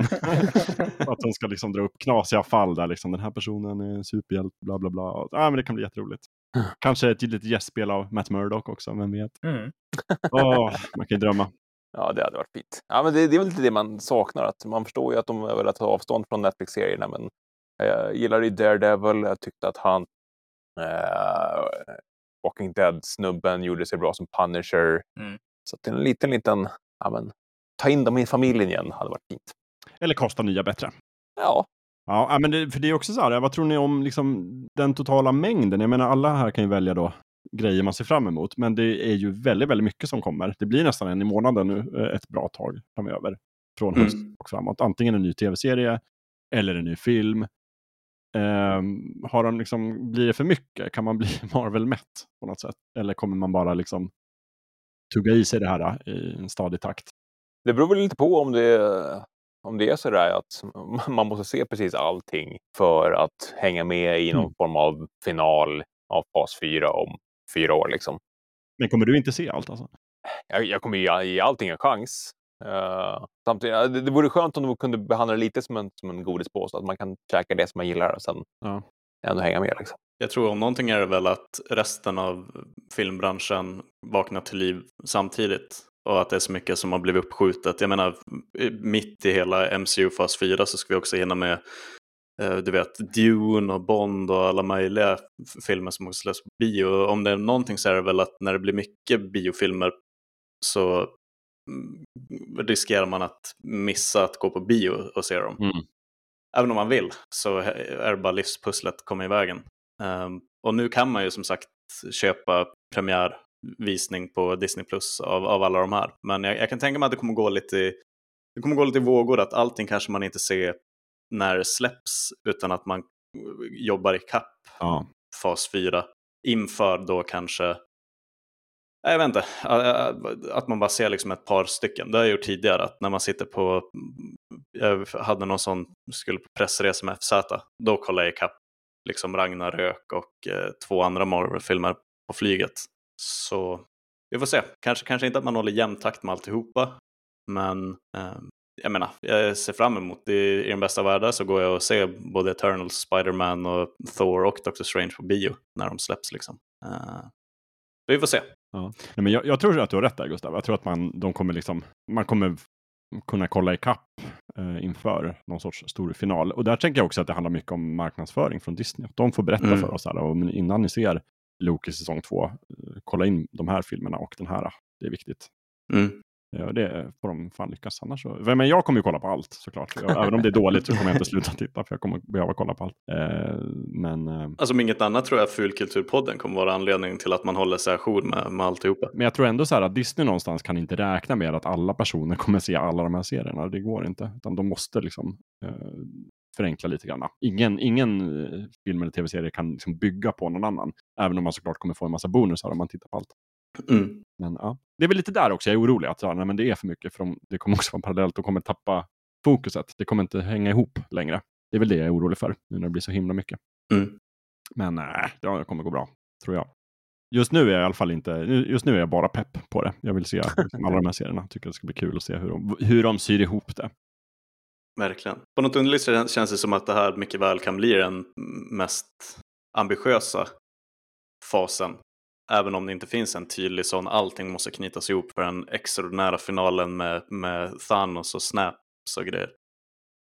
Så är det bara, men det kanske också bara den känslan man får nu när man har sett både Loki och att det är så många så att det spiralar iväg i olika tidslinjer att man tänker fuck nu blir det, Ja, nu blir det åka av. nu blir det åka av, nu blir det skruvat här. Mm, precis. Eh, Så vi får se igen. Alltså, som sagt, det, vi har ju fas 4 ska ju hålla på nu fram till 2024 i alla fall. Så det är, Det är väl liksom så långt vi kan se på horisonten i alla fall. I morgon. Ja. Menar, eh, Sen får vi väl se vad som komma, komma skall. Men det känns ändå kul. Jag uppfattar det som att alla vi ändå är så här med på resan i lite olika grad. oh ja. Det ska bli spännande att se vad, vilka som blir de här riktigt stora hittarna och det som kommer och vad som kanske så här i efterhand sen kommer vara deras Falcon and Winter Soldier. Haha. Ja, ja, det är väl H- jag är på Kalles sida. Hawkeye. Känns, känns som den mest mun- mundana. Ja, jag vet inte. Jag är så himla oförklarligt spänd på det. Mycket på grund av just så här Florence Pugh kommer med från Ja, jo, det ser jag fram emot. Eh, Hailey Stein, Steinfeld, eh, som var med i den här jättebra filmen Bumblebee till exempel. Mm. Eh, och jag gillar ändå någonstans han, eh, Jeremy Renner. Jeremy Renner. Mm, jag, tycker, jag, känna, jag blir bara ledsen för hans skull när man ser Marvel-filmerna, Avengers-filmerna, för att det känns bara som att han han har inte så mycket att komma med, han följer mest med. Men det är ju det, han är ju hjärtat. Han, han är ju den som liksom ger Wanda Maximoff ett peptalk när hon behöver det. Och som ändå så här, jag, jag kan tänka mig att i fikarummet, han är den som bakar bullar och tar med liksom, till Avengers. Eh, när de har möte. Så bara, jag gjorde bullar till allihopa, varsågod. Här, och så här, liksom, syr ihop gänget. Och, Ja, men det känns som att de ibland sätter sig ner, Thor och gänget och bara, Ja. han, Hawkeye, vad fan gör han egentligen? Han var någon som har glömt bort, det känns som att han är hemma i Office Space liksom. Utvärdera, vad har du jobbat med de senaste tio åren här i Avengers? Skjut lite pil. Nej, jag, jag är spänd. Jag gillar karaktären, även om jag, han har ju alltid varit lite sådär, den inte kraftigaste superhjälten. Men eh, duktig på sitt sätt. Mm. Eh, ja, nej, men det är väl det. Nu eh, tänkte jag att vi skulle liksom börja avsluta podden här lite. Så att det är nu om ni har något eh, tips som vi inte har nämnt. Eller liksom, vi har mest pratat Marvel den här gången. men eh, kanske vill dra upp någon annan film som man ska se. Som har någon sorts koppling. Eh, till exempel, Gustav, jag måste fråga dig när vi pratar om han, Jeremy, vad hette han nu då? Jeremy Renner. Jeremy Renner, han gjorde ju en Bourne-film. Ja, Born Legacy. Just det, ska man se den? Den har jag inte sett nämligen. Eh, Alltså man ska inte se den som, eh, den hade nog gott tjänat på att inte heta The Born Legacy. Okej, det är inte så mycket koppling utan någon, jo, det är ju kopplingar. Eh, Men det är lite mer att, för jag tror den utspelar sig parallellt nästan Mhm. med eh, Ultimatum. Ja, men då blir jag väldigt intrigued. Men, men det är ju verkligen att någon karaktär dyker upp.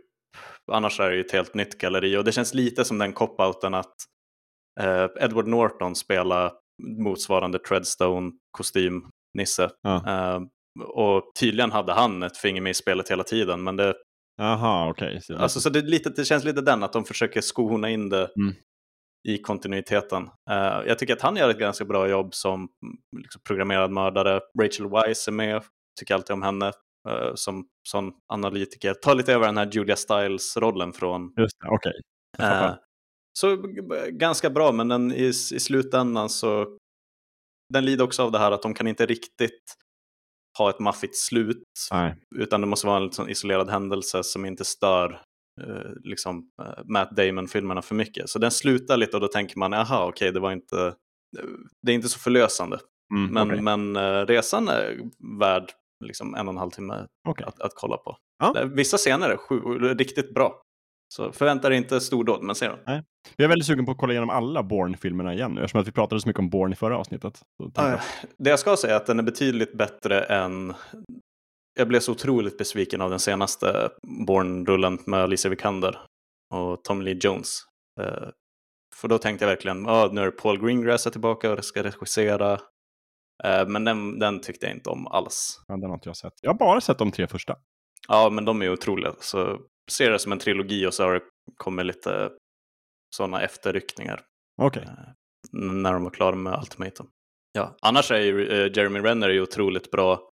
Hans bästa roll är väl i The Town, alltså den eh, bank, bankrånarfilmen med Ben Affleck. Som Ben Mm, Affleck också oj. re- regisser- regisserade. Den har inte jag sett heller. Eh, så om man bara sett Jeremy Renner som Hawkeye de senaste tio åren så tycker jag gott att man kan se The Town och bli påmind om att han är en riktigt duktig skådis. Will do. Mm. Bra. Är det någon annan som har något? Där, sista minuten tips som vill kasta in? Jag hade tänkt tipsa om uh, lite serietidning i Marvel. Eh, Ja, gör det. Spiderman. Eh, och om man bara tänker sig att Spiderman springer runt som vanligt med och jagar Mary Jane och sånt där så kan man ju läsa The Death of Spiderman och sen som löper in i Superior Spiderman. Mm. Där man eh, i 2013 faktiskt avlivade Peter Parker, eller snarare att hans nemesis Dr. Octopus bytte kropp med honom till sin döende kropp. Ett sånt här koncept som bara låter helt vansinnigt. Ja, men när vi ändå liksom det. inne i Crazy Town Marvel Ja. och är på väg in dit så måste vi ändå fortsätta där liksom. Men som ändå funkade. Alltså, du har tipsat om det förut, Kalle. Och jag, vet, jag, jag, var- jag var så himla skeptisk mot den eh, storyn innan, bara för att så här, byta kropp. Så himla dåligt. Sen läste jag den och jag tycker den är jättebra. Ja, Alltså eh, de gör ju så himla spännande grejer med just det. Att Doc, Doc och Spindelmannen. ja, men just att Superior Spiderman då är Spiderman-karaktären fast med Dr. Octopus i sig Mm, ja. och hur man Det funkar. Det låter knasigt, men det funkar. Ja, jag, jag, jag tror inte jag hade snackat om det förut. Men det Ja, men jag, jag, du, tips. kan ha nämnt det privat också. Ja. Ibland pratar vi ju utanför, när det inte är inspelning. Nej, och som du sa, jag menar, vill man läsa serietidningar, Marvel Unlimited och en, en läsplatt, gör det, gör det bara. Kanske till och med att jag gör det någon dag. Ge mig in på serietidningarna. Mm, gör det. Jag har lite lö- lösnummer uppe i Skellefteå. Liksom. Någon Spiderman-tidning här och någon X-Men-tidning där. Det blir väldigt roligt, alltså, man behöver ju absolut inte ha läst några serietidningar för att njuta av MCU, vilket vi har bevisat. Men däremot har man läst mycket serietidningar så får man ju väldigt mycket så här, små påskägg och bonusar Mm. här och där. Liksom. Om man ser en gul helikopter som det står Thanos på liksom, i ett avsnitt av Loki så vet man precis att det är den där helikoptern som Thanos flög omkring i, i det där numret av, av tidningen. Ja, roligt. Ja, nej, så var väl det. Eh, jag gillar Rick and Morty senaste säsongen. De är ju alltid bra, men uh, den som senaste säsongen går de, går de all in. Ja, Har man inte börjat, börjat kolla innan så börjar kolla nu. jag har precis börjat kolla på nya säsongen. Den, är, den hå- håller stilen kan man säga. Jag har bara sett första avsnittet, så jag, jag har mycket att kolla ikapp på den. Kul att Dan, Dan Harmon är igång fortfarande, tycker jag. Där, community. Det är en himla spacig serie. Den galna Dan Harmon. Ja. ja, det var väl det. Lövet, har du några sista, eh, sista länktips eller något du vill säga? Något råd kanske till lyssnarna? Ja, om man som jag inte är så jätteförtjust i eh, den första Venom-filmen eh, så kan man ju läsa eh, bra... För att uttrycka sig milt. Kanske lite diplomatiskt. Så kan man läsa några av de bra tecknade serierna. Bland annat Maximum Carnage och Absolute Carnage. Det är när Carnage, Cletus Cassidy, är som jävligast. Eh, och eh, i, bland annat så får, får Venom tag-teama med eh, Spindelmannen och flera andra hjältar faktiskt eh, för att eh, kunna besegra Carnage när han eh, frigör lite andra onda skurkar som, eh, som Doppelganger och Shriek och lite andra. Eh, jäkligt intressanta eh, och, och som jag minns det från den tiden, eh, liksom snyggt ritade eh, te eller tecknade serier. Så de, de kan jag varmt rekommendera. Mm. Och i, i, filmväg eh, kan jag rekommendera Darkman. Eh, en film från eh, 1990 tror jag. Eh, Sam Raimi-film. Eh, om en kille som eh, experimenterar med eh, eh, artificiell hy som ska, ska kunna återskapa sig själv. Men sen så blir han, eh, han blir attackerad av gangstrar och blir eh, fruktansvärt bränd. Så, och så ska han hämnas på alla de här eh, skurkarna som eh, The Dark Man. Men då med den här eh, eh, twisten att eh, han, han, kan likna vem som helst. Det här artificiella eh, skinnet kan, kan efterlikna vem som helst, men det räcker bara i 100 minuter, så han måste mm. göra det han behöver inom 100 minuter. Eh, och, och intressant liksom, eh, story-idé. Och eh, Sam Raimi är en, en regissör jag uppskattar väldigt mycket. Så den, är, den är bra. Eh, jag vet inte om den finns på någon streamingtjänst. Jag har faktiskt inte kollat, men eh, om, man, om man som jag kan tänka sig att köpa fysisk media så finns den att köpa där i alla fall. Finns säkert på biblioteket att låna också. Ja, säkert, säkert. säkert. Mm. Ja, men bra tips. Jag tar med den på min lista, för den har jag faktiskt inte sett ännu. Ja, väl, eh, det blir fel. Det blir, det är ju, eh, Konstantin, han är ju DC-karaktär. Right? Yes. Eh, men eh, jag tycker att det är lite kul att gå tillbaka och kolla på Keanu Reeves Konstantin. Jag säger ju inte nu att det är en bra film. Den är ju lite småkackig. Men det är så kul att det är så många Marvel liksom skådisar om man backar tillbaka. För att det är Rachel Weisz då, Just det. Uh, aktuell i Black Widow. Uh, men även från Doctor Strange, alltså the, the Ancient One. Tilda Swinton ja, spelar ju Gabriel, ängeln, i den rullen. Och så sen så är ju Peter Stormare typ den bästa varianten av Satan själv i den där filmen. Eh, det var ju på den där tiden när Shia LeBeouf skulle spela sådana snorungar i, alla Hollywoodfilmer. Eh, så gå tillbaka och kolla på den. Den är faktiskt ganska, en ganska rolig serietidnings superhjälte. Jag vet inte om man kallar den för en superhjälte, Konstantin. Eh, men det kan man gott göra tycker jag. Gå, gå tillbaka och se den. Alltså. Förvänta dig inte ett mästerverk, men den är mogen för en om, omtittning. Jag har bara sett den en gång på bio, men jag, jag minns den som eh, betydligt bättre än vad jag hade väntat mig. Mm. Ja, men jag tycker att den är mysig. Eh, den är väl lite, inte helt trogen karaktären Konstantin som man är i, i serien. Där är man ganska så råbarkad, eh, liksom halvskottad. Typ. Jag tror det också det finns säkert lite olika tolkningar även i serierna. Det brukar det göra. Och jag är inte jätteinne på den karaktären. Men, men filmen har jag goda minnen av ändå, trots allt. Alltså det var en sån här äh, dålig film som man gillar någonstans. Men lite alltså, så härligt mörk. Ja. Uh, verkligen. Jag räds inte för att få en full Det är lite så Seven-vibbar över den. Uh, fast uh, DC. Så det, det, kan jag göra, tycker jag. Bra där. Lite, lite tips för hängmattan, lite tips för regniga eh, dagar framför tvn. Mm. perfekt. Då kanske våra lyssnare ska klara sig ända fram till augusti när vi är tillbaka. Ja. Någon gång i augusti. Jag vet inte riktigt när, men efter semestern. Jag ska åka till landet nu. Vi ses sen. Mm.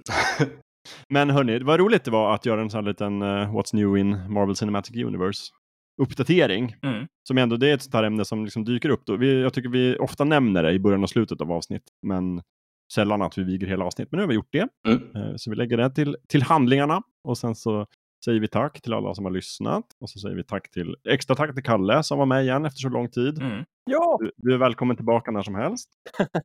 Trevligt. Eh, och tack till Gustav och Lövet som var med. Tackar, Troget tackar, tack. varje avsnitt. Tack mm. till mig. Verkligen tack till dig. Tack Jakob. Kaptenen. Och sen så glö- glöm inte att länklistan finns på fulkulturpodden.se. Glöm inte att följa oss på Instagram, fulkulturpodden. Och glöm inte att man kan skriva frågor och kommentarer till oss om man vill via hemsida eller Instagram eller sms kan man göra också. Man får ta på vårt nummer. Ja, jag vill bara slänga in en liten. Kom ihåg att eh, om ni råkar trilla in på fulkultur.se så är inte det vi.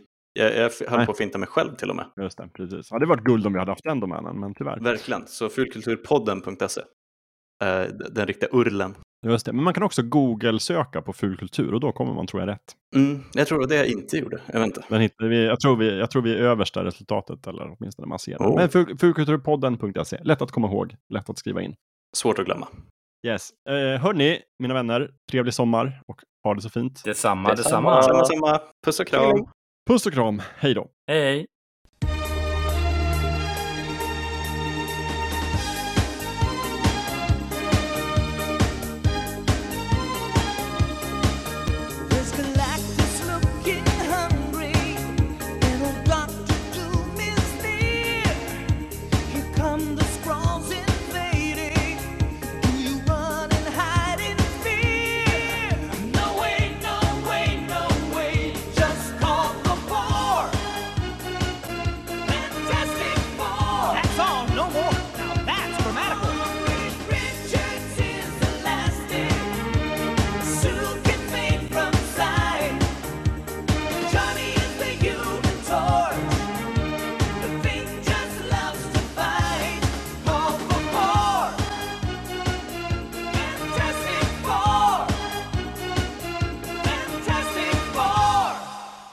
MCU! Asbra! Bra TV!